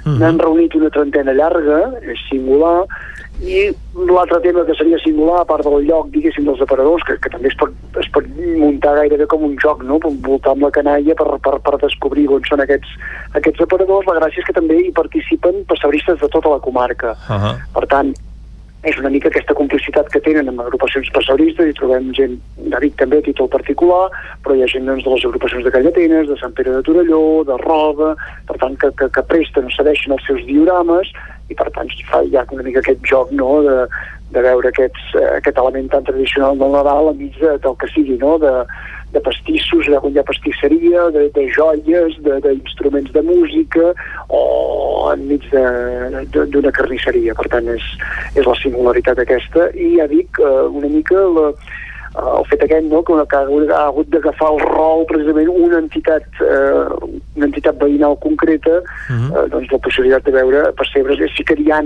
puntualment, hi ha, hi, ha, hi ha gent a títol particular que n'exposa puntualment en alguns llocs, però així col·lectiva són els únics que els, ja dic els últims per cinquè any consecutiu que es pot veure una exposició a Vic. Doncs, eh, Miquel, estarem al cas d'aquestes exposicions de pessebres que es podran veure aquests dies, una de les tradicions nadalenques, Sí. que com comentaven Correcte. també es veuen afectades per la pandèmia, no? Hi ha, hi ha algun cas puntual, ja dic, Centelles, que sí que n'inaugura aquest cap de setmana, hi ha, vull dir que Sant Quirze també fa una petita exposició, n'hi ha algunes puntualment, però ja dic que altres han quedat suspeses i es tracta de preservar una mica aquesta tradició com, com, com sigui, en aquest cas amb una, amb una mostra original i singular. Mhm. D'acord, doncs moltes gràcies, Miquel. Tanquem aquí aquesta taula de redacció que hem fet avui amb en Miquel R i amb en Guillem Ricó. Territori 17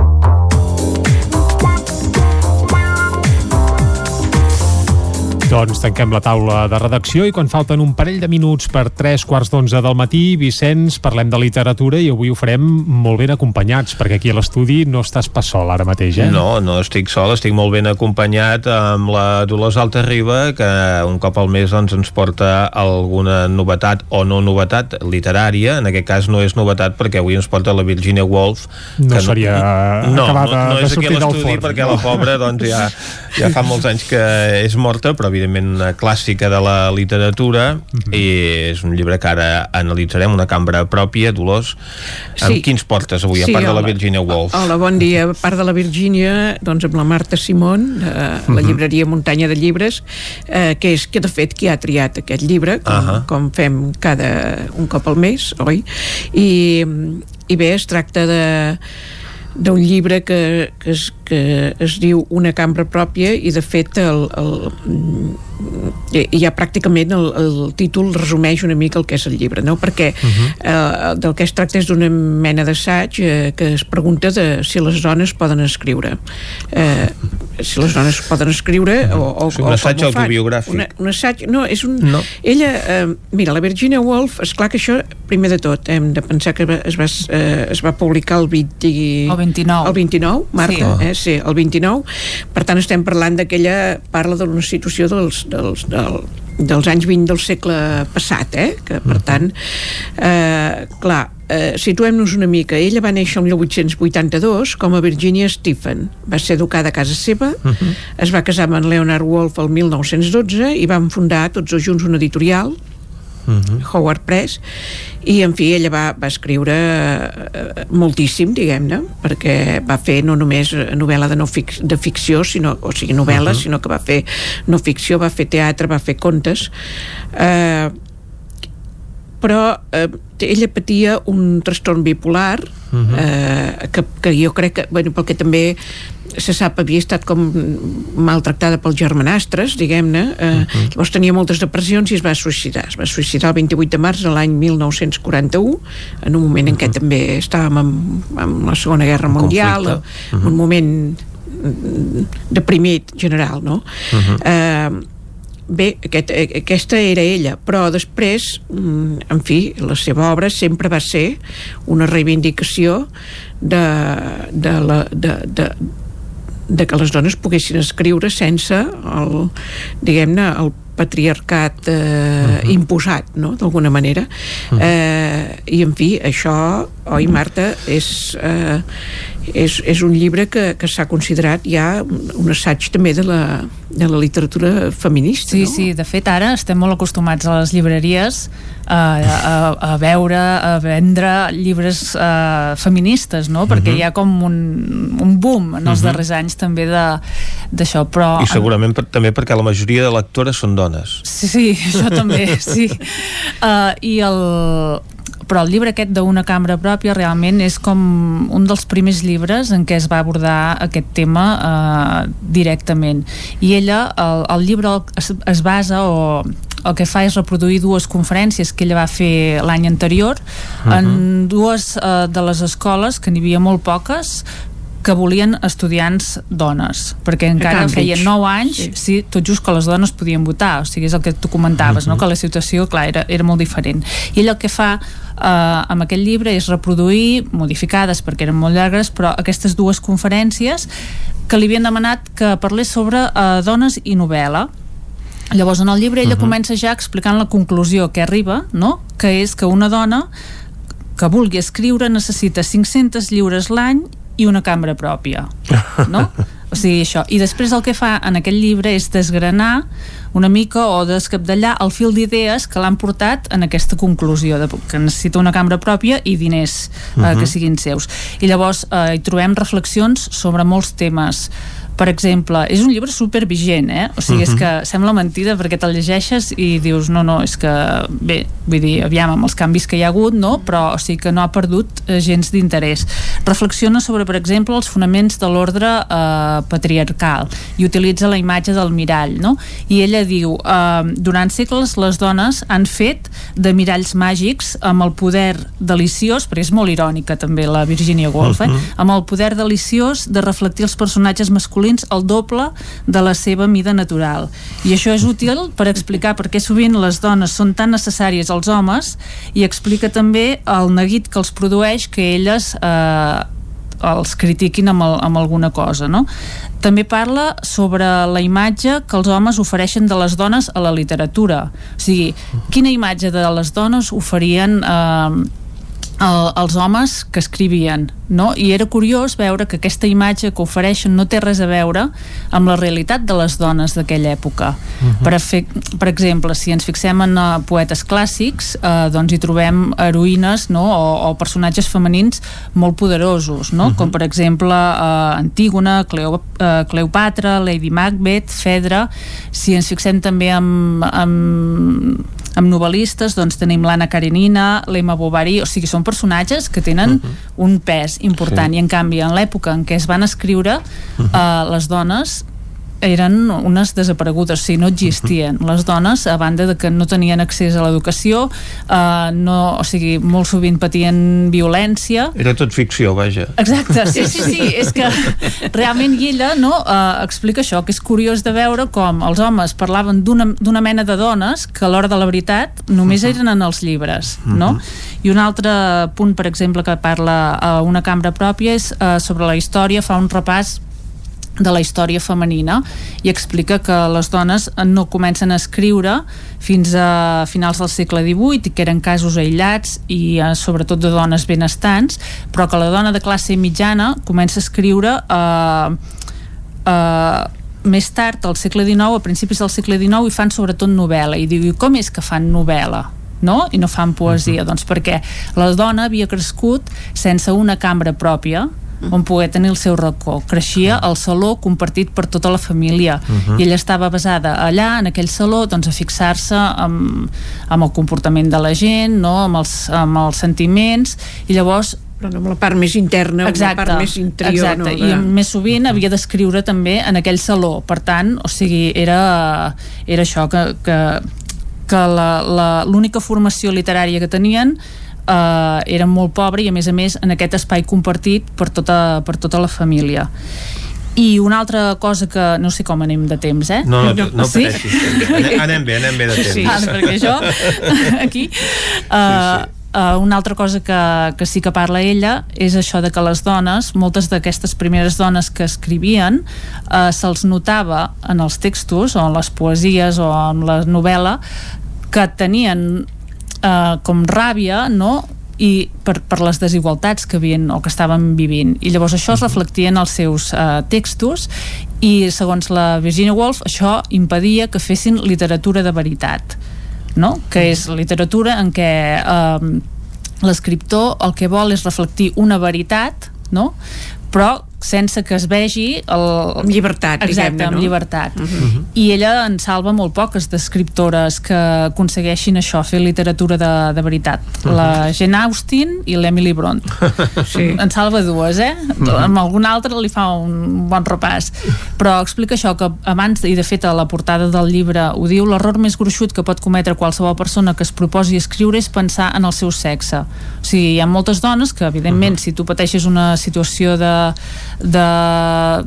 d'injustícia no? doncs tens tendència a, a això, a que s'acabi reflectint en el text i ella diu que el primer que hauríem de fer és aconseguir que això no es reflecteixi en, en el text Bé, segurament també es trobaven això, em sembla que hi ha algun moment que diu no? que, que, que eh, els homes venen a dir per si tu ets una dona no? desgraciada, en el sentit desgraciada, vull dir, què vols escriure, què, què no? Dir, no? O sigui que clar, de, de, també havien de, no? havien de lluitar contra aquesta eh, que, i intentar assemblar-se poder més el que escrivien els homes per, perquè no semblar eh, tan dona, no? I aquí Exacte. segurament aquest és el primer error, diguem-ne. Exacte, sí, de fet ella ho diu, eh, que hi ha alguna, alguna escriptora que que molt bé, no? però que se li notava que intentava escriure com escrivien els homes, no? Suposo que per això, per la situació. I ella utilitza també, que això està bé, utilitza una germana fictícia de Shakespeare, i uh -huh. diu, mhm. imaginem-nos que Shakespeare tingués una germana que hagués nascut amb les mateixes condicions que, que ell, que ell. Vale? no hagués arribat en lloc aquesta noia a la vida. Mm -hmm. Hagués sigut totalment impossible que aconseguís l'èxit i, les, i escriure les obres que, que va escriure uh, William Shakespeare perquè, per començar, no hagués tingut accés a cap mena d'educació, no? Uh -huh. I va fent la comparativa aquesta però al final dona un apunt optimista no? i diu que si realment les dones eh, aconsegueixen això, escriure amb, amb, amb llibertat, doncs que, bé, que, que la situació millorarà, no? Però parla d'un cicle en endavant, eh? O sigui... Uh -huh. On som ara? On som ara, som ara no? I, i, sí, sí, Sí, sí. exacte. I, I també, només per, per afegir, clar, ella deia ser, ella té l'estil aquest irònic, no?, també, Sí. però, però a més a més també molt descriptiu, eh? I vull dir, eh, va fent, eh, comença pel final amb, amb, amb aquesta mena d'assaig, però aquí hi, hi, hi posa tot, tot, tem, tot tipus de temes. Sí, també, perquè eh? a més a més ella diu, imagineu-vos, els diu a les seves, a, la, a les noies que l'escolten, diu, imagineu-vos que jo sóc un personatge, no? I ella fa com una mena de ficció dins de l'assaig, vull dir que passa molt bé, no? Que és un personatge que es passeja per, uh, Sí. per Oxford o No, és Cambridge, ara Cambridge, no sé, és Cambridge, sí. i diu, i trepitja la gespa, Sí, no? aquesta I la renyen perquè, és clar ha gosat trepitjar la gespa, no havia de trepitjar la 300 gespa. anys que, ni- que, Exacte. que les dones no la trepitgen Sí, perquè o per només... exemple que necessita un acompanyant masculí per entrar segons quines biblioteques, que això passava també, no? Vull dir que està molt bé perquè l'assaig no és gens farragós i, i eh, tracta molts, molts temes eh, que estan estan molt bé, són molt interessants.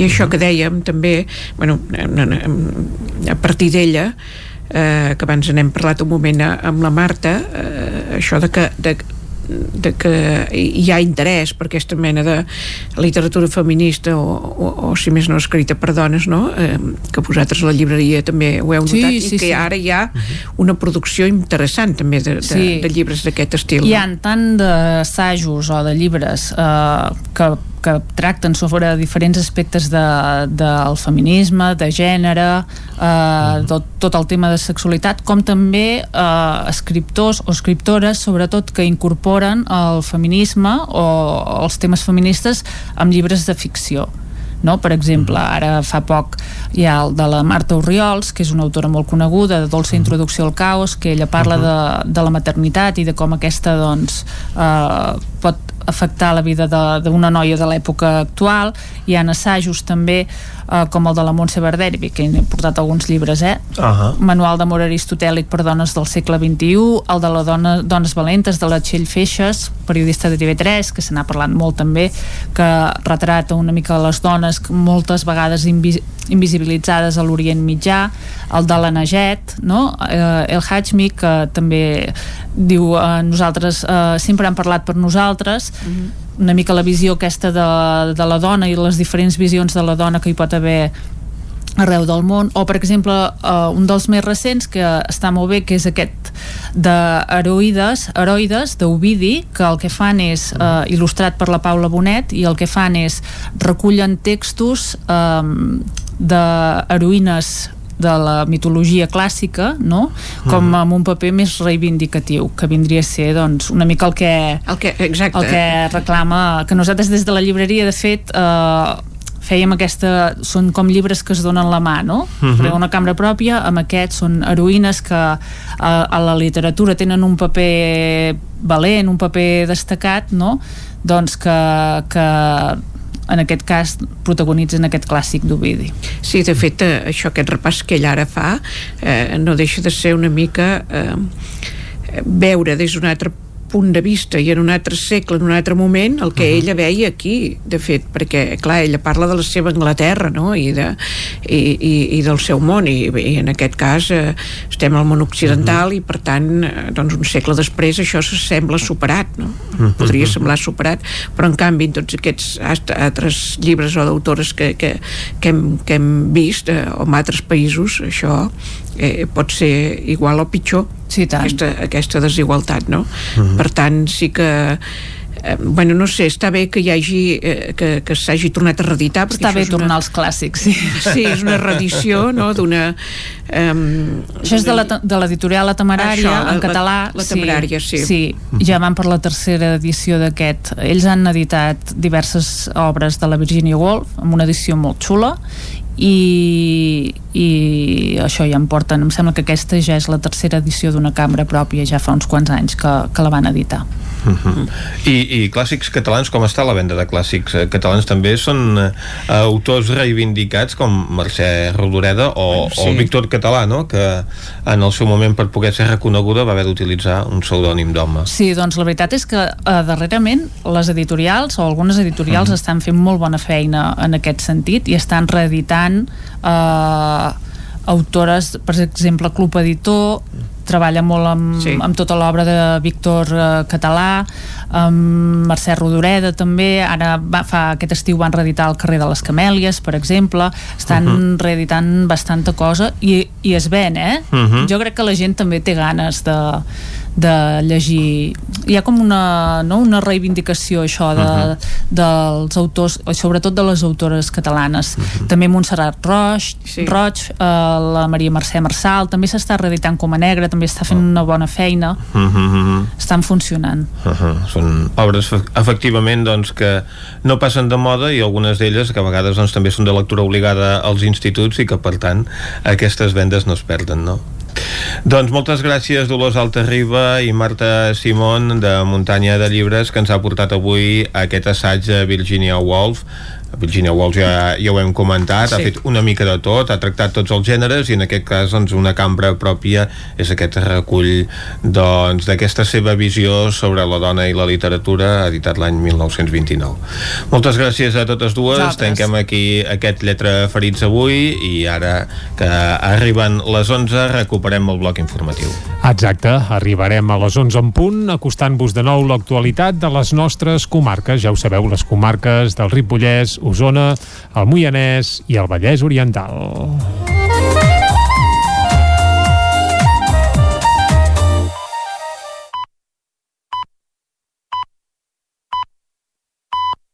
Són les 11. Territori 17, amb Vicenç Vigues i Jordi Sunyer.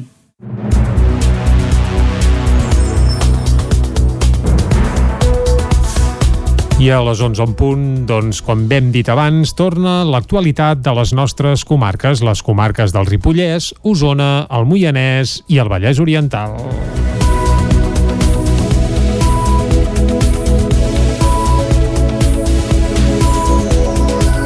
El secretari de Salut Pública, Josep Maria Argimon, va dir aquest dissabte que el Departament de Salut disposa de models que preveuen un increment d'ingressos hospitalaris de cara a les festes de Nadal i una tercera onada al mes de gener. Així mateix ho va explicar Argimon al fax de TV3, on també va demanar senya a la ciutadania que haurà de decidir quines trobades són necessàries i quines no. El secretari de Salut Pública també va admetre que existeixen incongruències als plans previstos per les festes. Per exemple, pel que fa al toc de queda que s'allargarà les nits de Nadal i Cap d'Any, Argimon va apel·lar a la responsabilitat individual de cada persona, recordant que pràcticament sempre parlen de recomanacions. Preguntat pels testos d'antígens, Argimon va demanar molta prudència alertant del seu ús abans de les celebracions. Segons va dir, un fals negatiu amb 8 o 9 persones pot ser un problema seriós i va afegir que pot crear una falsa seguretat a les persones que se'l facin. Pel que fa a les vacunes, Argimon es va mostrar esperançat en què les de Pfizer i Moderna s'aprovin ben aviat. També va admetre que no el preocupen els negacionistes i que quan arribi el moment es posarà en marxa una campanya informativa. En aquest sentit, va remarcar la importància d'arribar al personal sanitari que seran dels primers a ser vacunats després d'aquelles persones més vulnerables. La policia local de Ripoll interposa una vuitantena de denúncies en dos mesos relatives a l'incompliment de la normativa per prevenir contagis de la Covid-19. Isaac Muntades, des de la veu de Sant Joan. En dos mesos, que es corresponen al període entre l'1 de setembre i el 30 de novembre, el cos de la policia local de Ripoll ha efectuat un total de 79 denúncies relacionades amb els incompliments dels ciutadans respecte a les normatives per fer front a la pandèmia de la Covid-19. Gairebé la meitat, un total de 35 actuacions, són denúncies que tenen relació amb l'ús inadequat de la mascareta, sigui per no portar-la o per dur-la mal posada sense cobrir el nas i la boca. Tot seguit també hi ha un gruix important de denúncies amb un total de 14 que són per incomplir les restriccions de mobilitat al municipi en horari de confinament nocturn a persones que estaven al carrer en aquesta franja nocturna sense cap motiu que ho justifiqués. La policia local també va tramitar 12 denúncies per incompliment del confinament perimetral municipal de caps de setmana i 5 per consumir de manera compartida la via pública. A més, van interposar 5 denúncies per no mantenir la distància física interpersonal i 2 per fumar a la via pública. Les sis restants van ser posades per desobediència i resistència als agents de l'autoritat per diversos motius. Aquest dilluns va començar la campanya per escollir els primers llocs a les llistes a Junts per Catalunya de cada demarcació, un cop proclamada Laura Borràs com a candidata a la presidència que acabarà amb la votació per part de la militància durant el cap de setmana. Entre els 70 candidats que es presenten per escollir els 8 primers llocs de Barcelona, part dels ja anunciats de l'alcaldessa de Vic, Anna R i Carles Furriols, també hi ha el diputat nascut a Vic, Josep Puig, l'alcalde de Balanyà, Carles Valls, i el segon tinent d'alcalde de Callatenes, Miquel Riera. L'ordre de la llista s'establirà pel nombre de vots i en compliment dels criteris de paritat. L'Ajuntament de Cardedeu lliura la medalla centenària de la Generalitat a Andreu Canet, David Auladell, de Ràdio Televisió Cardedeu. Andreu Canet, que va fer 100 anys el passat 30 de novembre, la setmana passada va rebre la medalla centenària de la Generalitat. L'alcalde de Cardedeu, Enric Oliver, acompanyat del regidor Ramon Arribas, es van personar al domicili del senyor Canet per fer lliurament d'aquest guardó. Es tracta d'una medalla personalitzada, acompanyada d'una carta signada pel conseller Shakir El Homrani, que inclou el nom de la persona i l'any de la celebració del centenari gravats. Canet, membre de la lleva del Biberó, es va mostrar molt agraït i emocionat pel reconeixement. En el decurs de la visita, el senyor Canet va explicar algunes anècdotes de la seva joventut i també de la Guerra Civil. Els recordava que sempre havia cregut que portava un àngel a l'esquena que el protegia. La Guàrdia Urbana de Vic va detenir dimecres de la setmana passada a tres persones, un veí de Vic de 19 anys i dues noies menors d'edat, com a presumptes autors de furs a fins a set botigues del centre de la ciutat per un valor total de 604 euros. Els agents van rebre l'alerta d'un dels establiments que en va facilitar la descripció. Tres patrulles van fer la cerca i una d'elles les va localitzar prop de la plaça de l'estació, moment en què se'n van anar corrents, però van ser interceptades per una altra patrulla que els va tallar el pas. Durant l'escorcoll se'ls va trobar peces de roba i complements dels quals no en van poder justificar la procedència, a més de les peces que ja se sabia que havien sostret. La roba va ser retornada a les botigues, moltes de les quals no s'havien adonat de la sostracció. Es van instruir diligències per un presumpte delicte de furt. Esports. El rec amb les Caldes guanya per 3 a 5 a Taradell en el partit pendent de la setena jornada de l'Equip Lliga. Caral Campàs, des d'Ona Codinenca. El partit va començar ahir de la pitjor manera pels ballesans. Al minut 2, una acció ràpida dels locals va permetre al Taradell posar l'1 a 0. Poc després, al minut 10, una rigorosa blava al calderí Roger Asensi va acabar amb el 2 a 0 transformat per Rodríguez. Amb domini dels taradellencs s'arribava al descans amb avantatge per la mínima pels locals. A la represa, els de Candami van tenir més control del ritme del partit amb arribades constants, però el gol es resistia. Al minut 27, un penal sobre Mires va ser anotat pel propi jugador fent l'empat a dos. Al minut 34 va arribar la desena d'alcaldes, però Camps va evitar el gol.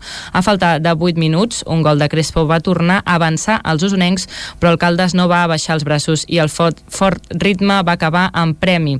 Álvaro Jiménez va fer el 3 a 3 en el llançament d'una falta des de la frontal. Ferran Rosa, al 46, va disposar de la falta directa per acumulació del Taradell i la va anotar de manera magistral fent el 3 a 4. En el darrer minut i sense porter, Jiménez va transformar el definitiu 3 a 5 i el seu hat-trick personal. Per tant, 3 punts d'or a Taradell en un duel dominat pels arlequinats a la segona part. Els de Candami van donar una bona imatge després de l'aturada i dues jornades regulars contra el Voltregà i el Palafrugell sense jugar.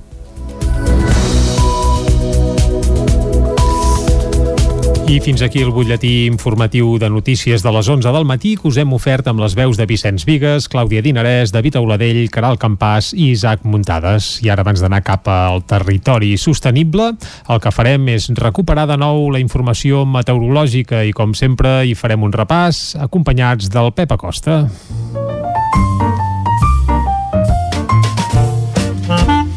Casa Terradellos us ofereix el temps. Pep Acosta, qui saludem de nou altra vegada. Bon dia, Pep. Hola, molt bon dia. I bona hora. Benvinguts a l'Espai del Temps. Igualment. Ja estem aquí. Avui, dimecres, amb sabor de dilluns.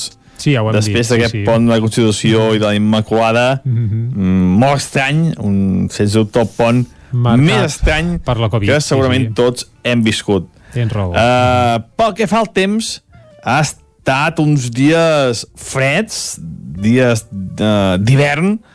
Uh, jo em pensava sincerament que plouria una mica més. Mm, no ha plogut ni nevat gaire, tampoc al Pirineu. Mm, Jo això sí que m'ho pensava, eh, que uh, no sé, que algun dia poder una mica més plouria, mm, més neu cap al Pirineu. Al final no... poca cosa, uh, poques nevades, uh, que al Pirineu poder 5-10 centímetres, també una petita enfarinada cap al Montseny, molt poca cosa, mm, no, i, i pluges molt, molt escasses. Uh, dilluns vam tenir pels i ruixats. Mm, Jo pensava que seria una mica més humit, una mica més humit aquest cap de setmana, uh, aquest pont, però bueno, déu nhi déu el fred, el fred sí que ha sigut important, també ha fet vent, uh, un clima, com deia, 100% hivernal, i és el que toca. Estem contents perquè és el que toca. I aquesta nit també ha sigut freda, uh, 3 graus sota zero per a Fita, uh, 10 graus sota zero a Baiter 2000, 2 sota zero a Vilarrau, no són petits exemples de, de les temperatures fredes d'aquesta nit. Poder no tant cap al prelitoral i zones pròximes no ha estat tan freda. També ha bufat vent. Eh, recordem també que quan bufa vent les dins no baixen tant la temperatura i, i en zones on, on el vent ha estat més encalmat sí que ha permès que la temperatura baixés més en picat. Uh, el temps d'avui. Mm, avui serà un dia d'impàs. Mm, no tindrem uh, precipitacions. Farà bastant de sol. Tindrem núvols i cada vegada més núvols, cada vegada més núvols. Se'ns acosta un front atlàntic, però hi ha un canvi de tendència en aquests fronts. Uh, ja no venen amb tant aire fred. Seran fronts um, més càlids i, per tant, la temperatura a partir de demà començarà a pujar i ho farà moderadament. Però, bueno, no ens anticipem i anem pel dia d'avui. Com deia aquest matí, eh, sol i núvols, temperatures fredes, eh, fa fred, mm, fred d'hivern, eh, per tant cal abrigar-se. De cara al migdia, eh, tarda, vespre, cada vegada més núvols i de cara al vespre nit ja es taparà. Eh, ens visitarà aquest front, aquest front atlàntic, Uh, que de moment, uh, avui no portarà precipitacions, però sí que a vegada més núvols. Les temperatures màximes molt semblants, molt semblants als d'ahir, uh, cap al peritoral entre els 10 i els 15 graus, a l'interior uh, entre els 8 i els 10, i cap al Pirineu per sota d'aquests 8 graus. Fred, intens, durant tot el dia. I el vent, eh, que ahir va bufar bastant moderat, començarà a fluixar. Mm, aquest matí cap pot bufar una mica fort, però de cara a la tarda afluixarà bastant. I de cara a la matinada i demà, faig un petit abans, eh, tindrem aquest front, aquest front més càlid, que farà que la temperatura augmenti, eh, tindrem una mica de pluges, i les nevades ja a cota més alta, 1.600-1.700 metres. Però bueno, demà ho anem, ja ho concretarem demà molt millor i veurem si aquest front és, és mm, com sembla que serà poc actiu o si mica en mica es agafa més activitat i pot produir més pluges. Demà ho anirem concretant. De moment avui això està que molt clar, eh? De moment avui fred, sol i núvols i el vent que va afluixant. Dia 100% d'hivern. Moltes gràcies, fins demà, Vinga, adeu. Moltes, moltes gràcies a tu, Pep. Uh, fred sí, eh, Vicenç? De fred uh, n'hi ha, no, No ens ens en falta, escapar. però de precipitacions sembla que de moment no se'n veuen. Bé, va caure alguna cosa, no? Això sí. Sí, el però- dilluns al vespre doncs va caure alguna cosa. Molt timidet tot, eh? Ja ha dit el Pep que molt menys del No. que s'esperava. Per tant, bé, uh, caldrà veure aquests propers dies. Sembla que el fred es queda, però mica en mica la cosa anirà remuntant. Per tant, tu. Doncs si ha de ploure, que remunti la temperatura, no fos cas que nevés en desembre, que sempre acaba sent problemàtic. Home, seria bonic que nevés al desembre, eh? Uh, un un Nadal Nadal- un enfarinat, Nadal blanc, o blanquet. Jo, ja no recordo l'últim, eh? Uh, L'última vegada que ens va visitar el Manel Dot ho vam rememorar un pèl i allò d'un Nadal blanc al segle XXI, en cotes baixes, sembla que no n'hi ha hagut cap. Imagina't com anem. Segurament que les autoritats sanitàries ho celebrarien. Possiblement. Seria una bona manera de mantenir confinat el personal. Bé, després d'aquest apunt meteorològic, fem una petita pausa i tornem de seguida amb el territori sostenible, de nou aquí a Territori 17. Casa Tarradellas us ha ofert aquest espai. Territori 17. Envia'ns les teves notes de veu per WhatsApp al 646 079 023. 646 079 023. WhatsApp Territori 17.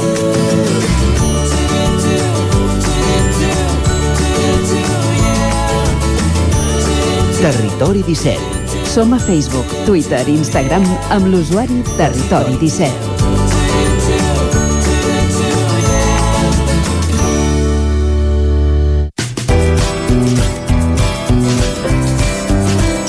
Doncs, com fem sempre els dimecres, donem pas ara al Jordi Givert, que ens porta la secció Territori Sostenible.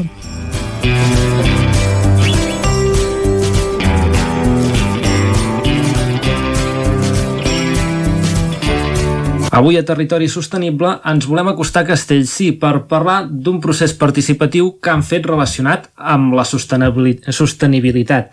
Volen aconseguir ser un municipi amb residu zero. Amb nosaltres tenim la Maria Balaguer. Ella és la regidora de, de persona i, i es tracta tot aquest tema de la participació ciutadana. Hola, Maria. Bona tarda.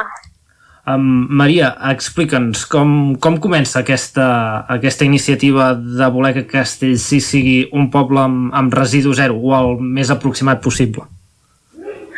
Bé, doncs, um, quan ens vam presentar com a, com a candidatura ja teníem doncs, una de les línies bàsiques és aquesta de la sostenibilitat i un dels projectes que hem volgut tirar endavant és el, aquest projecte, Residu Zero, uh, Objectiu Residu Zero, que una mica el que vol és uh, posar damunt la taula el, el que és el terme residu zero i plantejar-nos col·lectivament, de manera participada, um, quines són les millores que podem fer des de cadascú des de casa seva i com a municipi per avançar cap a aquesta fita. Mm -hmm. Sempre veient-ho com una fita, però en tot cas tendint-hi al màxim. Clar, I això ho heu fet obert a la, a la ciutadania? Heu fet eh, actes eh, o, o trobades eh, conferències durant un temps a, a Castellcí, no? Sí, durant tot aquest any 2020 vam començar al gener, a finals de gener, i aquest a 30 de, de novembre es va fer l'última sessió.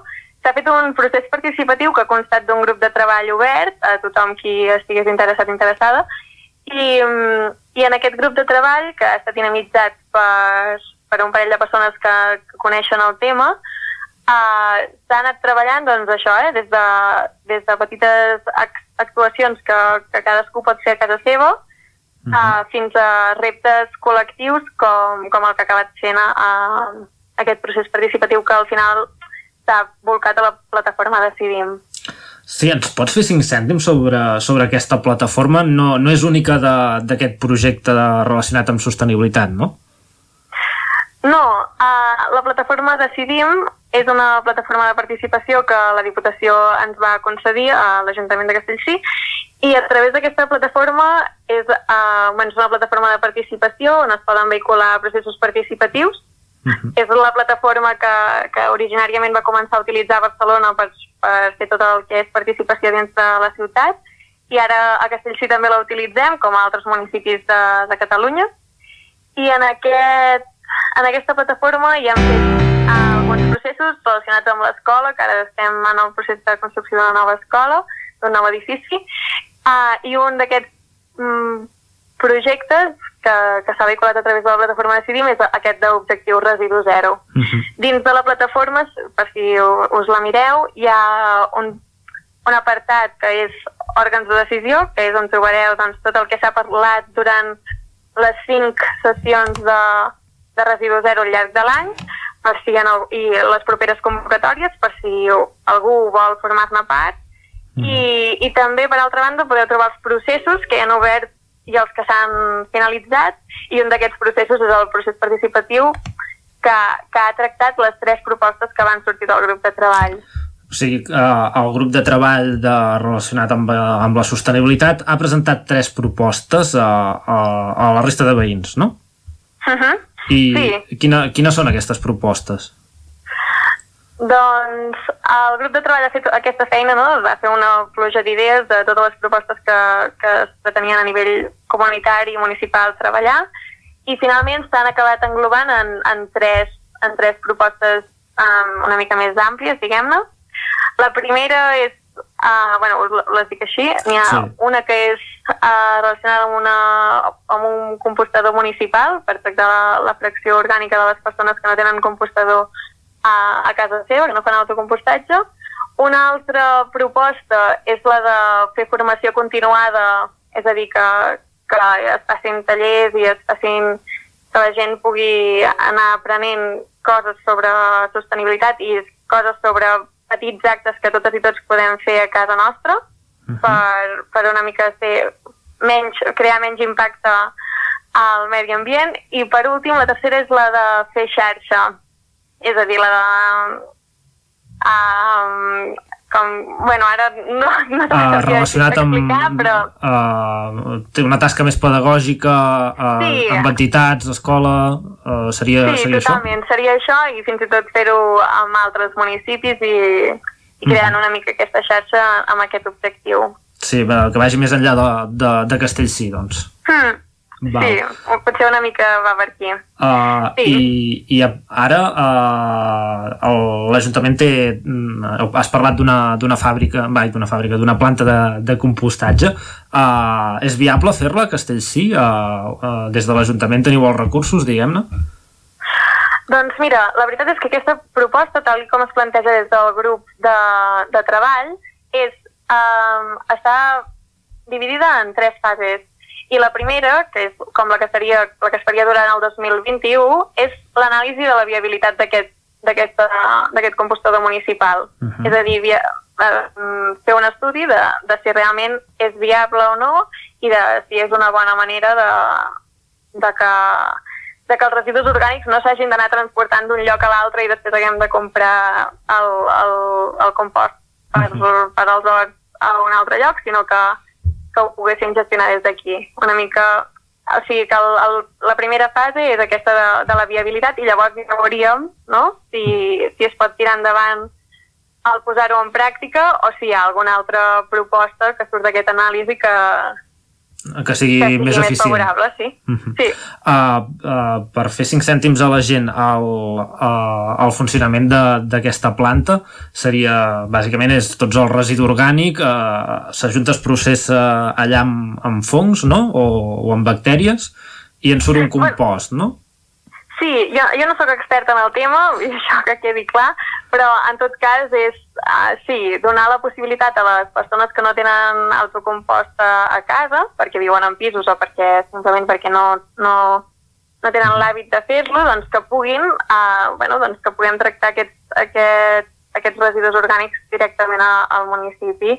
I sí, és això, eh? Una, seria una planta petita, podríem dir-ne un compostador com si fos el compostador de casa però una mica més gran i, mm, i que es poguessin tractar aquests, aquests residus orgànics i convertir-los en un recurs com és el compost. Mhm. El compost que serviria per abonar diferents terres de, de jardins, espais públics, entenc, Mhm. no? Justa, sí. Vale. I, Mhm. Endavant. No, no, això que deies d'espais públics i, i entenc també que, que els veïns i veïnes al final també en podrien fer ús si Mhm. s'estigués. Però tot això és el que et comentava, eh? Després està- d'aquest estudi de viabilitat. Sí. Està en estudi, ja començarà un estudi l'any que ve. I sobre les altres dues propostes, que una seria més orientada a fer, a fer tallers eh, pràctics a, a Castellcí, l'altra de fer xarxa, um, de, serien potser més viables de, de tirar-les endavant, no? O, o jo serien més que- immediates? Jo crec que... Bueno, que són propostes diferents. Potser aquesta del, compo del compostatge és més una proposta, diguem-ne, pràctica, vull dir, una, com una proposta concreta, però, i, i ambiciosa també, per què no? I la, la resta, o sigui, les altres dues propostes potser són una mica més genèriques en aquest sentit, és a dir, són coses que, que també es podran anar fent, que també es podran anar fent. De fet, uh, el procés participatiu eh, es va obrir un període de votació que va acabar el 29 de, de novembre i um, una mica sí que es plantejava que cada persona podia uh, votar com a molt dues propostes perquè sí que la idea de l'Ajuntament és uh, tirar endavant de cara a l'any que ve la primera i si i, i també la segona si es pogués. Vull dir, eh, perquè si, en, si tenim recursos també fer la segona i crec, que, i crec que serà que sí, eh? Esper esperem que, que, que tiri endavant perquè també la, la formació o la sensibilització amb, amb aquests temes eh, és bàsica perquè hi ha moltes petites coses que podem fer al nostre dia a dia i que potser no coneixem o, o no som conscients que, que són senzilles de fer i és un, és un element bàsic per, per arribar cap a, cap a aquesta sostenibilitat més, més àmplia als nostres municipis. Totalment, d'acord. Um, doncs, Maria, moltes gràcies per presentar-nos a, aquesta iniciativa que combina participació ciutadana, uh, sostenibilitat, ecologisme. Uh, aquí al Territori Sostenible seguirem pendents de, del que feu al, al vostre municipi. Doncs moltíssimes gràcies a vosaltres per haver-vos interessat i, i molt bona tarda. Doncs despedim aquí el Territori Sostenible, us deixem amb els companys de, del Territori 17 per repassar l'actualitat de les nostres comarques.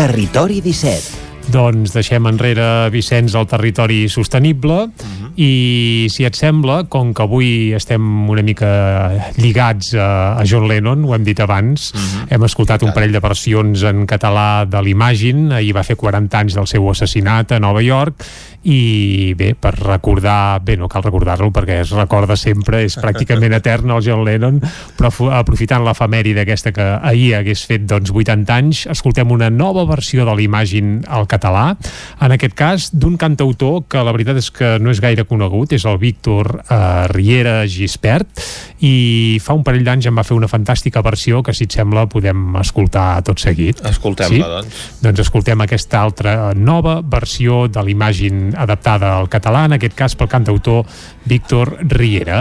I amb això arribarem fins al punt de dos quarts i seguim després amb més activitat encara aquí a Territori 17. Ens queden moltes coses, ens queden passar pel Descobrint Catalunya, ens queda anar a la R3 i a més a més repassar l'agenda cultural per un cap de setmana on ja comencen actes de Nadal i concerts. Per tant, caldrà estar al cas. Val? Vinga, ara una mica més d'Imagine. Fins ara. per cap motiu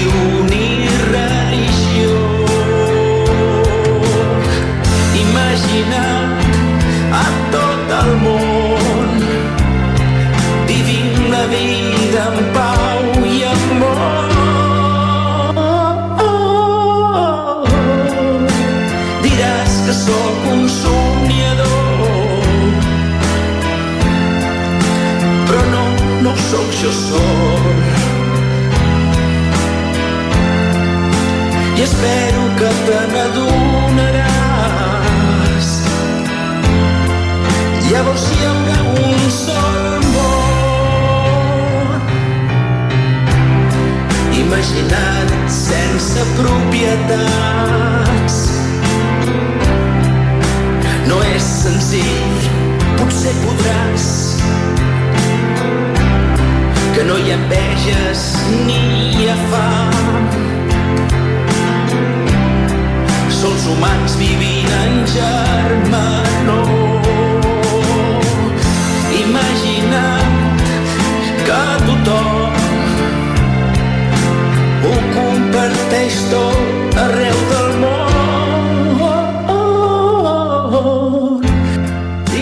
Territori 17. El nou FM, la ràdio de casa, al 92.8. L'Auditori Teatre de Call d'Atenes presenta 36 més 1, amb Maria Pla i Inútils Mots. El 12 de desembre a les 9 del vespre, 36 més 1, a l'Auditori Teatre de Call d'Atenes. Cocole. Bijuteria, rellotges, bosses de mà, moneders, mocadors i molts més articles per regalar aquest Nadal. Passeja per la nostra botiga i trobaràs marques com P de Paola, Olivia Barton, Mishki i les Georgets, entre moltes altres. Vine a Cocole, t'encantarà. Som al carrer Sant Vicenç de Vic. Telèfon 93 886 0267. Cocole us desitja unes bones festes. No em trec la imatge dels nens amb cara de velocitat baixant per la pista vermella. Sí, molt divertit.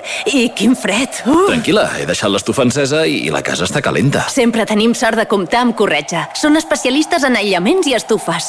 Acabar la jornada d'esquí amb la família al voltant de l'estufa i amb aïllaments de primera és 100% corretja. Corretja. Tot i més a corretja-sl.com. Cobertes serveis funeraris. Els nostres tanatoris estan ubicats en els nuclis urbans més poblats de la comarca d'Osona per oferir un millor servei. Tanatori de Vic, Tanatori de Manlleu, Tanatori de Centelles i Tanatori de Roda de Ter. Sabem que són moments difícils i per això el nostre compromís és atendre-us en tot moment amb un tracte humà, sensible i respectuós. Cobertes serveis funeraris. Telèfon 24 hores 93 883 23 46. Aquest Nadal torna a somiar amb equivalença. Les idees més perfumades per regalar des de només 8 euros amb 95. I aquest any el nou perfum que enamora, Wild Soul de Lara Álvarez i equivalença. Més de 130 fragàncies, sets de cura facial i ambientació per a la llar t'estan esperant a Equivalença Vic, al carrer Pla de Balanyà 29 de Vic. Tens 20.000 motius per comprar centelles i és que aquest Nadal repartim 20.000 euros en vals i premis. Només has de demanar la targeta de participació a qualsevol establiment comercial i de serveis de centelles i segellar quatre establiments diferents. Aquest Nadal comprar centelles té premi. Més informació a centelles.cat. Cada territori té un atractiu o més d'un. El fruit, el paisatge, la seva gent, les pedres... Camins de l'Eix. Descobrint el capital de terra endins. Camins de l'Eix, dissabte a les 9 del vespre al 9 TV. Aquesta setmana, els cingles de Bertí, amb el suport de la Generalitat de Catalunya. 7 milions i mig de futurs. El nou FM, el nou FM, el nou FM, el nou FM, el nou FM.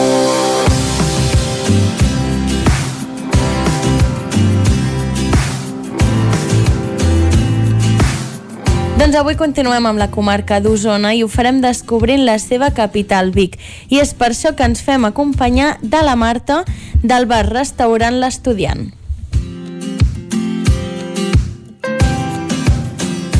Que vols venir a Vic? Doncs va, et faig un planning.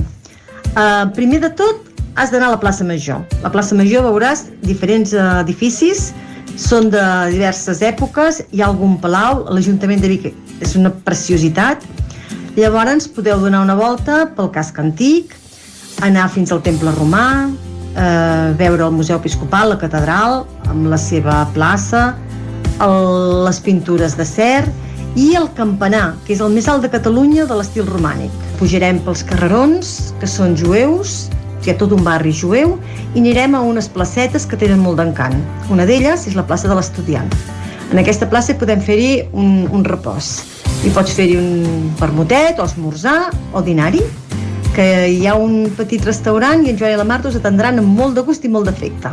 Tenim diferents eh, fires i mercats. Podeu venir pel Mercat del Ram, que és fira totalment de pagesos, una fira de, de pagesia, és la més antiga que hi ha. Llavors, si teniu ganes de gresca, la música viva. I pel Pont de la Puríssima, el Mercat Medieval. Jo penso que passar un cap de setmana a Vic no us ho podeu perdre i us, us encantarà. Uh, a més a més, pots venir als mercats uh, setmanals. El del dimarts és un mercat més petit, on es fa a la plaça i pots comprar-hi tots els productes frescos, que són verdura i fruita, i a més a més roba, sabates, eh, estris per la casa, però el que és verdaderament bonic és el que hi ha a la plaça i al passeig els dissabtes, tots els dissabtes de l'any. Que hi van hi venen gent de tot arreu i a més a més pots comprar des de flors a olives Eh, el que és molt bonic és eh, veure la diversitat doncs, de, de gent que hi ha, de, de productes, i eh, es, pot, es pot disfrutar. A més a més has d'anar a comprar la, la típica botifarra, el fuet. No ens podem perdre un bon pa de pessic que s'ha de menjar amb les mans i petits pessiguets. I, eh, i a més la, la gastronomia de Bigatana té, té fama doncs, a, arreu del món i a més a més a Vic tenim, tenim un costum una, bueno, crec que és molt peculiar que ens mengem la, la coca dolça amb llogonissa Uh, hi ha pocs llocs que ho facin i aquí mengem coca amb fruita, si t'agrada, amb crema i amb llonganissa fuet. Així que no et pots perdre una visita a Vic.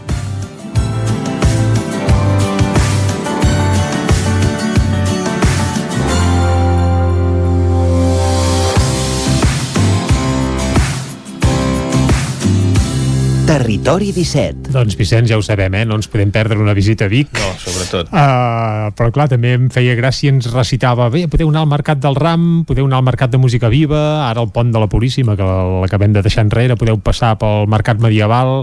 Haurà de ser l'any que ve, tot sí, això, amb, si tot amb pandèmia i amb tot el que estem visquent aquest 2020 excepcional, doncs no hi ha hagut ni Mercat del Ram, ni Mercat de Música Viva. Bé, Mercat de Música Viva sí que es va poder salvar i es va fer algun concert presencial i tot, a Mercat Medieval tampoc, eh, tant de bo l'any vinent eh, es pugui tornar a reprendre el fil que ens contaven des de l'estudiant de Vic i que tinguem Mercat del Ram, que tinguem Mercat de Música Viva i fins i tot, mira, va, que tinguem Mercat Medieval, un certamen del qual tampoc en seria especial de vot jo, però tu, Vicenç, segur que sí, no?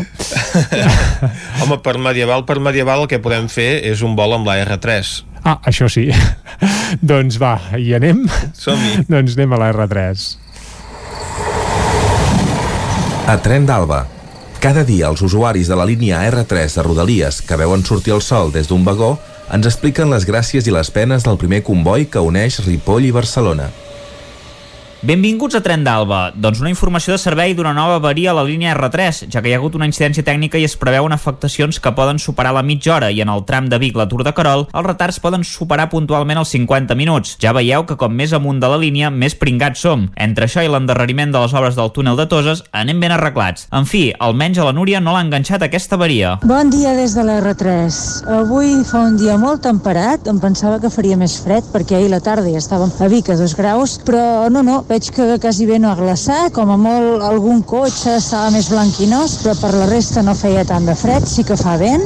A Vic hem sortit puntuals, cosa sorprenent, i no us ho perdeu. Només hem arribat un minut tard a Barcelona. Sembla impossible aquesta setmana, no sé, devem haver canviat el conductor, el maquinista del tren, perquè la veritat és que estan complint els horaris, cosa inaudita últimament. Bé, fa molt de sol, teníem un tren llarg amb els seients durs, a darrere meu hi tenia un senyor que s'ha passat tres quartes parts del viatge parlant en panjabi. M'ha costat saber que era ell, perquè sí que parlava, però com que no, no gesticulava gens, no trobava d'on venia la veu. Hi havia un parell o tres d'homes fins que al final l'he identificat. A part d'això, he tingut una companyia d'una família africana que anaven tots tres conjuntats, pare, mare i nena. Anaven tots dos amb un xandall negre i vermell, que el devien acabar d'estrenar, així tots ben eh, orgullosos d'aquell xandall. L'home portava una cadena d'or per sobre la caputxa, o sigui, portava la caputxa posada i se li veia el collaret aquest. La dona anava amb unes bambes vermelles de conjunt amb el seu xandall i la nena anava amb un xandall granate, així com de vellut, però cap dels tres portava jaqueta, o sigui que espero que portessin moltes capes de dits, perquè la veritat és que aquest vent que fa és com molt, molt fred i, i, i bueno, se't fica dins els pulmons. Bé, doncs això, que el viatge ha estat bé, tranquil, com sempre a partir de la Garriga es comença a omplir el tren i ja està, i hem arribat a Torredoró un dia més. Que tingueu bona setmana i una salutació ben gran de part de la Núria. Bon dia. Doncs ja ho veieu, el tren és un espai de multiculturalitat on s'hi pot escoltar panjabi i també veure famílies africanes ben conjuntades de vermell. Va, ens retrobem demà i recordeu que ja portem un retard acumulat de 6 hores i 47 minuts des de l'inici d'aquest mes de setembre. Territori 17. Doncs com sempre a la R3 que passen coses, eh? Exacte. I m'ha fet gràcia quan deia fa molt vent avui i se sentia. déu nhi i tant, el vent que feia el barcelonès avui. El... Uh, doncs pels micros és evident que, que la Núria, si estava ben ventilada, nosaltres ho hem pogut constatar uh, seguríssim. Ara arriba el moment de repassar activitats culturals per aquest proper cap de setmana. Això sí, abans recordem, Vicenç, que serà de nou un cap de setmana d'aquests amb confinament municipal. Perquè per tant, allargat. correcte, per tant tot el que us expliquem, doncs fantàstic, alegria cap a, cap Cap a gaudir-ne si podem, però tinguem en compte que només podem gaudir dels actes que, que es facin al nostre municipi o al municipi veí si anem xinutxano a peu, a peu. o d'excursió o com faci falta. Fet aquest aclariment, eh, entrem a l'agenda cultural del cap de setmana. Va. I quan fem agenda sempre fem un repàs pels diferents territoris, pels diferents nuclis de Territori 17 i per on l'arrenquem, Vicenç, el repàs avui? Arrenquem, doncs, aquest recorregut per Cardedeu, on ens espera l'Òscar Muñoz des de Ràdio Cardedeu. Bon dia. Bon dia. Tenim activitats per aquest cap de setmana o hi ha coses també que s'han hagut d'anul·lar perquè no s'han complert les previsions de desescalada? Doncs sí, tenim, tenim activitats per aquest cap de setmana uh -huh. i també per entre setmana. Com per Perfecte. exemple, avui dimecres, de 6 a 8, tenim la tertúlia literària El pes de neu de Christian Guai a la Biblioteca Mar de Vialba, dinamitzada per el Ramon Portell i això, la participació és lliure i només limitada per l'aforament màxim. Uh -huh. També avui a les 6 a Granollers, Verd Nadalenc, de l'antiguitat a la modernitat. És una xerrada amb la Carme Puigsulleu, em, biòloga i, màster, i té un màster en biodiversitat i ens explicarà el per què decorem les nostres llars amb arbres de Nadal o utilitzem molsa, bueno, abans utilitzàvem molsa, suro i altres elements vegetals a l'hora de fer el pessebre. Doncs el per què d'aquestes espècies escollides i no pas altres, Mhm. doncs aquesta incògnita per multituds de llegendes, creences màgiques, costums, que procedents sovint d'èpoques precristianes. Doncs això organitza el, teat, el, el Museu de Granollers de Ciències Naturals. Per divendres a dos quarts de sis tenim la veritable història del Tió, un concert familiar a, la, a Granollers, a la plaça de les Grades. L'espectacle amb els instruments, amb les històries i les cançons ens descobriran doncs, això, la veritable història del Tió de Nadal i activitat gratuïta en places limitades. Em, divendres també tenim concert dels, del cor de joves amics de la Unió a les 8 al Teatre Auditori de Granollers. Doncs el cor jove d'amics doncs, torna a la càrrega després de l'èxit rotund que van tenir amb el concert Revolution de la temporada passada i ara doncs, ens proposen nous temes com no, des de Lluís Llach fins a Charango, passant per Sopa Cabra, Blaumut, Manu Guix o fins i tot Rosalia. Carai, sí que estan al dia. Eh, el cost de l'entrada serien 8 euros i encara queden algunes entrades lliures disponibles. Divendres també comença el Cardo Terror. Recordem que es va ajornar divendres, eh, es va ajornar I tant. i doncs torna aquest divendres a les 5 amb la presentació del festival, amb la gravació del podcast Marea Nocturna, a les 7 seria l'entrega de premis de Finestra mm. i a les 8 homenatge al Fred Decker El terror llama a su puerta amb el film, amb aquest film uh -huh. dissabte al matí tenim tres homenatges més al Cardo Terror amb el William Castle amb el film The Triangle a les 12 Roger Corman amb El hombre con rayos X i a les 3 Dark Castle con 13 fantasmes -huh. dissabte la tarda tenim a les 5 de la tarda això, tenim els 5 curtmetratges finalistes dels Premis TAC a les 7 la sessió especial Train to Busan 2 Península, la sessió especial de Sitges uh -huh. recordem que van haver d'eliminar una una pel·lícula per tema d'horaris uh -huh. i també dissabte tenim concert al Teatre Auditori de Granollers del cantant Miqui Núñez i exconcursant televisiu d'Operació Triunfo, ens presentarà Muza, el seu primer disc, que hauria d'haver presentat-lo a l'octubre, doncs ara està aquí al, al desembre doncs, per presentar el seu disc. En I per parlarem acabar més, diumenge... per, perdona que et tallin, parlarem més sí? del Miqui Núñez perquè també serà aquest cap de setmana a l'Atlàntida de Vic, és a dir, que té gira ballesant usonenca No para. de cap de setmana sí, sí. i per cert ja ha tret el seu segon disc i encara presenta el primer, però clar, Exacte. com que arran de la Covid anem com anem, doncs hi ha el que hi ha, sí, sí. Seguim, Òscar. Sí. I per acabar, diumenge, em, tenim això, per acabar el Cardo Terror, comencem a les 10 amb l'homenatge al David Cronenberg, amb el film Vinion de Dentro de, a les 12 Guarro Terror asiàtic, amb amb el film Tokyo Gore Police. A les 5, últim homenatge a la Elga Line amb el documental La dama del fan terror i amb el film El espanto surge de la tumba. I per acabar, diumenge a les 7, sessió especial Sitges amb la pel·lícula Psycho Goreman. Doncs déu nhi totes les activitats que tenim per aquests propers dies, Òscar. Sí, sí. Moltes. no sé si arribarem a tot. Exacte, no les podem seguir totes, sobretot perquè hi ha aquest confinament doncs, Correcte. municipal que, Exacte. que ara No podrem sortir comentàvem. Exacte però la gent de Cardedeu sí que podrà passar un cap de setmana distret. Moltes gràcies, Òscar, des de Ràdio Cardedeu. Anem ara a una codinenca on ens espera la Caral Campàs. Bon dia de nou, Caral. Hola, bon dia. Quines propostes tens?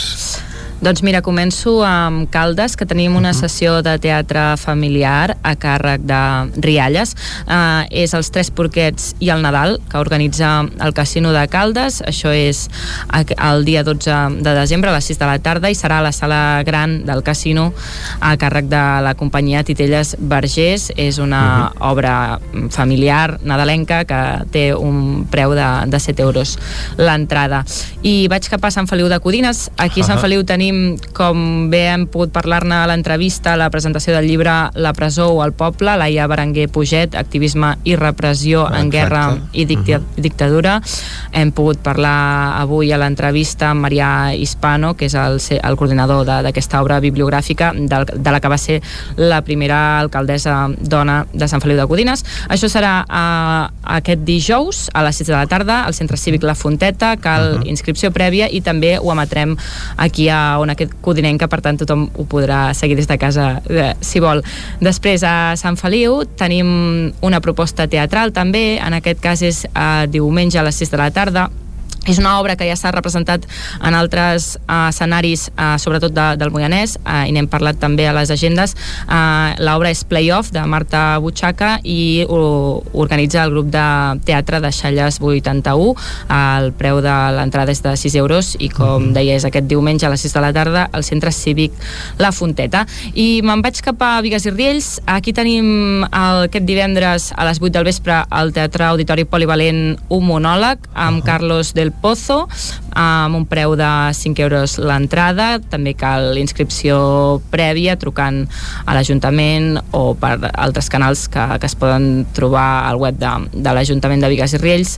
I acabo l'agenda cultural amb una proposta teatral i un concert al Moianès. Uh, aquest dissabte al centre de Castellterçol hi ha el cabaret Aquelarre, dones que fumen i canten. És aquest dissabte a les 9 del vespre uh, i a les entrades uh, tenen un preu de 12 euros i mig. I després tenim uh, concert al Parc Municipal de Mollà amb Na Namina, amb Xevi Matamala i Pep Gol. Això serà dissabte uh, al migdia, a dos quarts d'una, al Parc Municipal de Mollà. Molt bé, doncs la nòmina que tocarà al seu poble, a Mollà, i ara nosaltres el que ens toca és anar a la veu de Sant Joan, on ens espera l'Isaac Muntades. Bon dia, Isaac. Bon dia, Vicenç. Bon dia, Jordi. Bon dia, bon dia. Hi ha activitat al Ripollès? Sí, hi ha activitat aquest cap de setmana. Mhm. Hem recuperat una mica el pols cultural al, al Ripollès i, si us sembla, doncs començarem per l'activitat, eh, podríem dir-ne estrella del cap de setmana, que no és l'altra que l'últim espectacle del cicle de tardor 2020 del SAT Teatre Centre de, de Sant Joan de les Abadeses, que es farà aquest dissabte a les 8 del vespre del Teatre Centre i acabarà l'engròs doncs, aquest cicle de tardor amb l'actuació de Lluís Gavaldà, que com sabeu doncs, és el cantant de, del grup Els, Els Pets. Pets. Uh, Sí, correcte. Uh, I serà un concert doncs, molt especial perquè els assistents en aquest cas uh, podran escollir les cançons que interpretarà Gavaldà, perquè Carai. tindran una llista amb el seu repertori exacte. O sigui, si Això el mateix dia, el, això, El Bon sí. Dia, Sí, sí, sí, correcte. Ah, carai. en, en aquell moment, no sé exactament com funcionarà, si és que es, es farà amb alçada. Quina cançó de les que d'això en si sabeu què vull dir? No, no sé exactament com funcionarà. Bé, això caldrà anar-hi. Bé, però cal, caldrà anar-hi, però sí, sí, podran triar i ja us dic, eh? podran començar amb el Bon Dia i acabar doncs, amb qualsevol altra cançó de, Bona dels Nit. pets i o Bona Nit o... I, en, i en aquest cas doncs uh, bé uh, cal recordar doncs, que aquest concert ja formava part de l'anterior cicle que es va haver de suspendre pel, pel coronavirus, així que hi ha una part de les entrades que ja estan venudes i les que encara queden doncs, es poden adquirir a l'oficina de turisme o una hora d'abans una hora abans de, de l'espectacle. I com, i com sempre doncs, el SAT Teatre Centre ha elaborat un protocol de seguretat amb mesures molt estrictes per evitar contagis, com ara, per exemple, el d'habilitar diversos accessos segons el seient atorgat i l'entrada i sortida esbaunada de la sala, entre altres mesures, doncs, evidentment, perquè la cultura doncs, eh, sigui totalment segura. I una altra activitat, eh, aquest dissabte també, el Cercle Can de de Can de Bànol, el, el casino, que ha agafat la, la bandera de la cultura al municipi, doncs farà uh -huh. un concert de Nadal de 6 a 8 del vespre amb The New Casino Jazz Band i s'hi tocaran doncs, bàsicament un repertori de Nadales i altres cançons típiques doncs, d'aquesta doncs, època nadalenca. Uh, en aquest cas el preu pels socis és de 8 euros i pels que no ho són és un pèl més car és un euro més, més car, val 9 i és obligatori l'ús de la mascareta i s'ha de reservar, reservar entrada enviant un correu electrònic al, al cercle o a través de la seva pàgina web Uh, també tenim activitats a Ripoll, perquè el dissabte, a les 6 de la tarda, el Teatre Comtal acollirà l'últim treball editorial de l'escriptor Màrius Serra i la il·lustradora Roser Calafell, que es titula Més vella que l'anar a peu, de la sèrie de les aventures de l'anar a peu, amb una proposta, també tindrem una proposta de l'Enigmàrius i il·lustració en viu, i, i bé, eh, això de les aventures de la Napeu és una nova sèrie infantil escrita per Màrius Serra i il·lustrada per Roser Calafell doncs, que compta d'augment amb dos àlbums que un es diu, doncs, com, com, com he dit fins ara, Més vella que la Napeu i l'altre es diu Tot ok. I durant aquesta activitat que està pensada això m'ha fet molta gràcia perquè diu que està pensada per a curiosos d'entre 8 i 98 anys Vull dir, que suposo que no, 99, encara hi arriba. El Sendí 99 ja no hi podran anar, exacte. I eh, sí que és, que és curiós, eh? perquè l'edat mínima es pot arribar a entendre, però sí, sí que sobta que tallin. Eh? Si, si hi ha algú de 100 anys, entenc que no passarà res, eh? si va.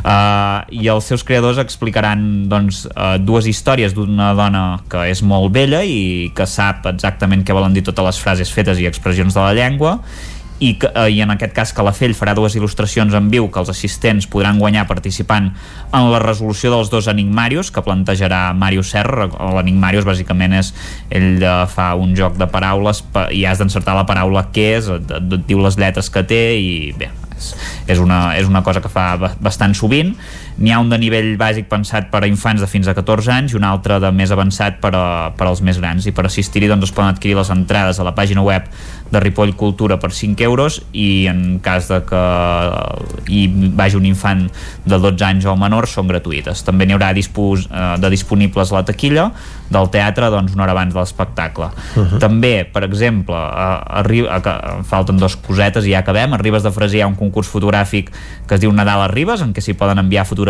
de Nadal de pessebres, arbres, decoracions de balcons, jardins i fotografies nadalenques. Això sí, han de ser tirades a Ribes de Freser o en algun dels seus, bueno, en aquest cas els nuclis, però evidentment formen part del terme municipal de Ribes, eh? per tant també s'hi valdria, doncs ara estic pensant en, en Bruguera, per exemple, Ribes Altes, eh, Ventolà, que també forma part de, de Ribes, doncs bé, bàsicament aquí, no? I per participar cal enviar una foto al Ribes Informa i indicar doncs, el nom i cognom i l'adreça de la persona que l'ha fet, Bàsicament hi ha cinc categories que es corresponen doncs, al que us he dit abans, allò de, de pessebres, arbres, decoracions, etc etc i es poden enviar fins al dia 31 de desembre, és a dir, fins l'últim dia de l'any es poden enviar. Hi haurà un guanyador per, per cada una de les cinc categories que, que s'emportarà doncs, una panera de productes agroalimentaris eh, de la vall i finalment per acabar, tornant a Ripoll aquest diumenge a les 12 del migdia hi haurà un concert eh, dels músics Jordi Soler i Jordi Ballesteros doncs, per amenitzar doncs, una mica també eh, aquest cap de setmana que ja veieu que el Ripollès us he destacat alguns actes més, més importants però torna a estar bastant complet d'activitats i, i per totes les zones de, de la comarca pràcticament, per tant eh, I, per to, si... i per totes les edats fins als 89 anys Sí, 99. Ah. Ai, 98, perdó, 90... 98, sí. Ah. 98, sí. Perfecte, sí, sí, exacte, per totes les edats. Doncs moltes gràcies, Isaac.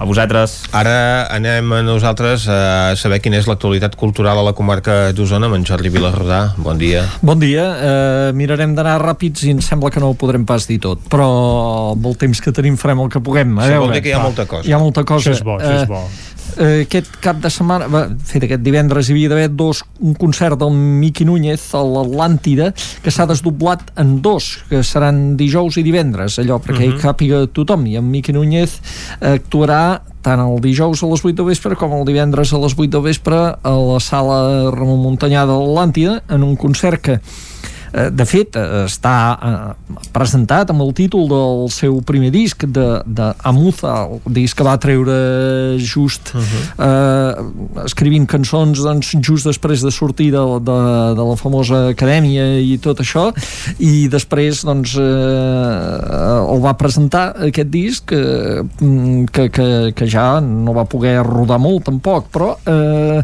en Miqui Núñez és clar, ha treballat durant aquests mesos del confinament i ha fet un altre disc que es diu Iceberg que va sortir just ara eh, fa molt poc i que ja en sabem alguns temes perquè és clar, qui no ha sentit aquella eh, aquella cançó la, la de més èxit eh, a mi me vale eh? escriurem doncs, per... ah, pensava no, que era no, no, no, ah, no, no, no, l'escriurem, això és d'abans ah, aquesta, aquesta. val, ui, ui.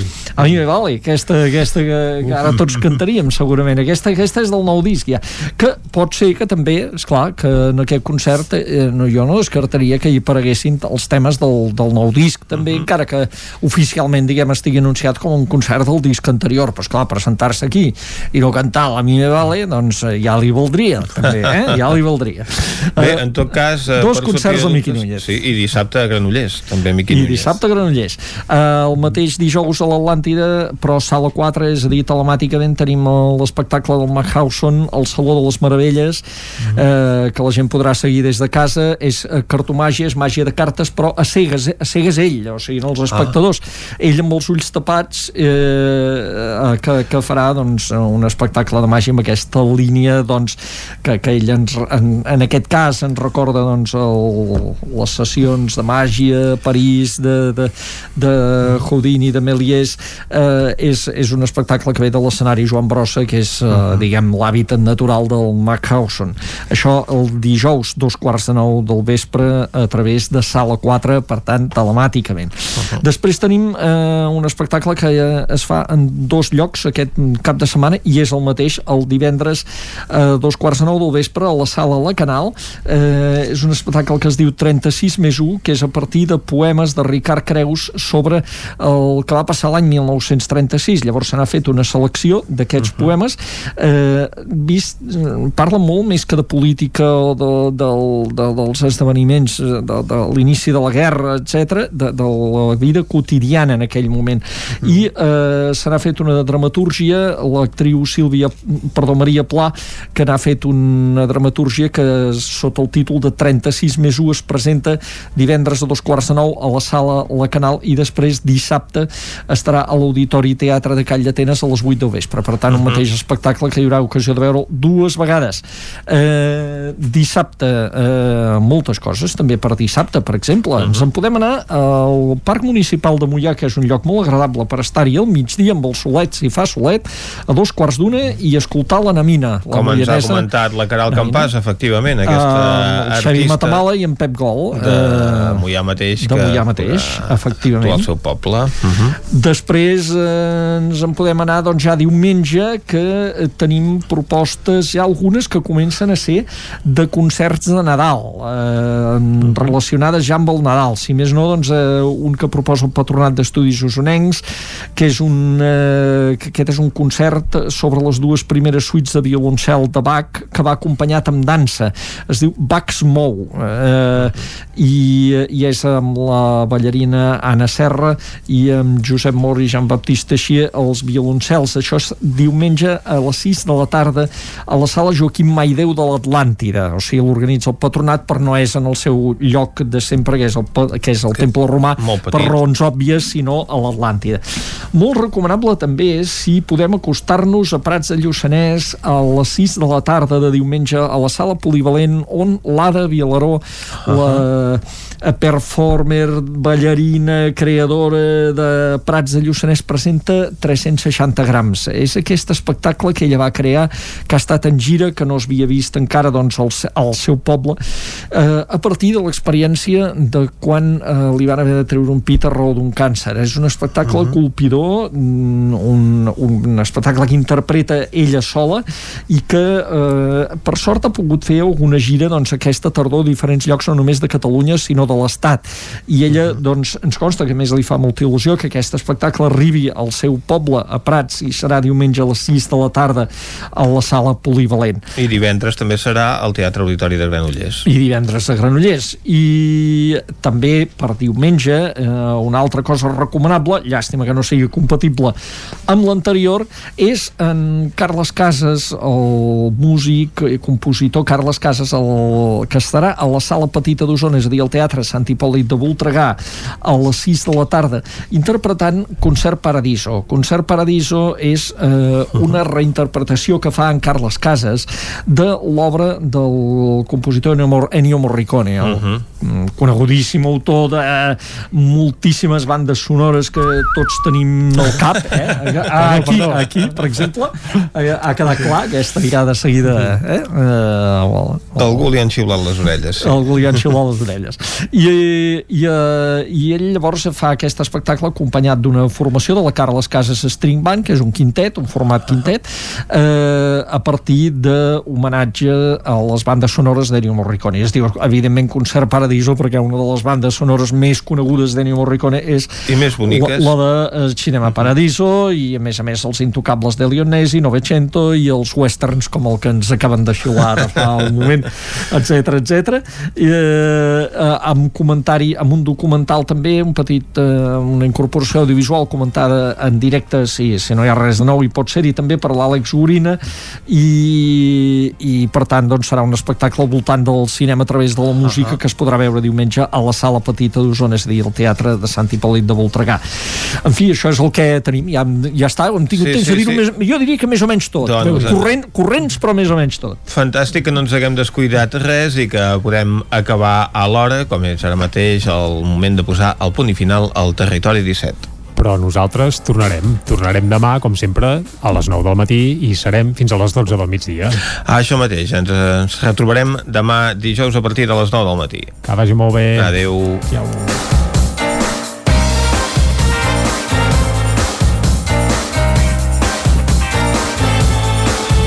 Territori 17, un magazín del nou FM. La veu de Sant Joan Ona Codinenca i Ràdio Cardedeu amb el suport de la xarxa. El nou FM.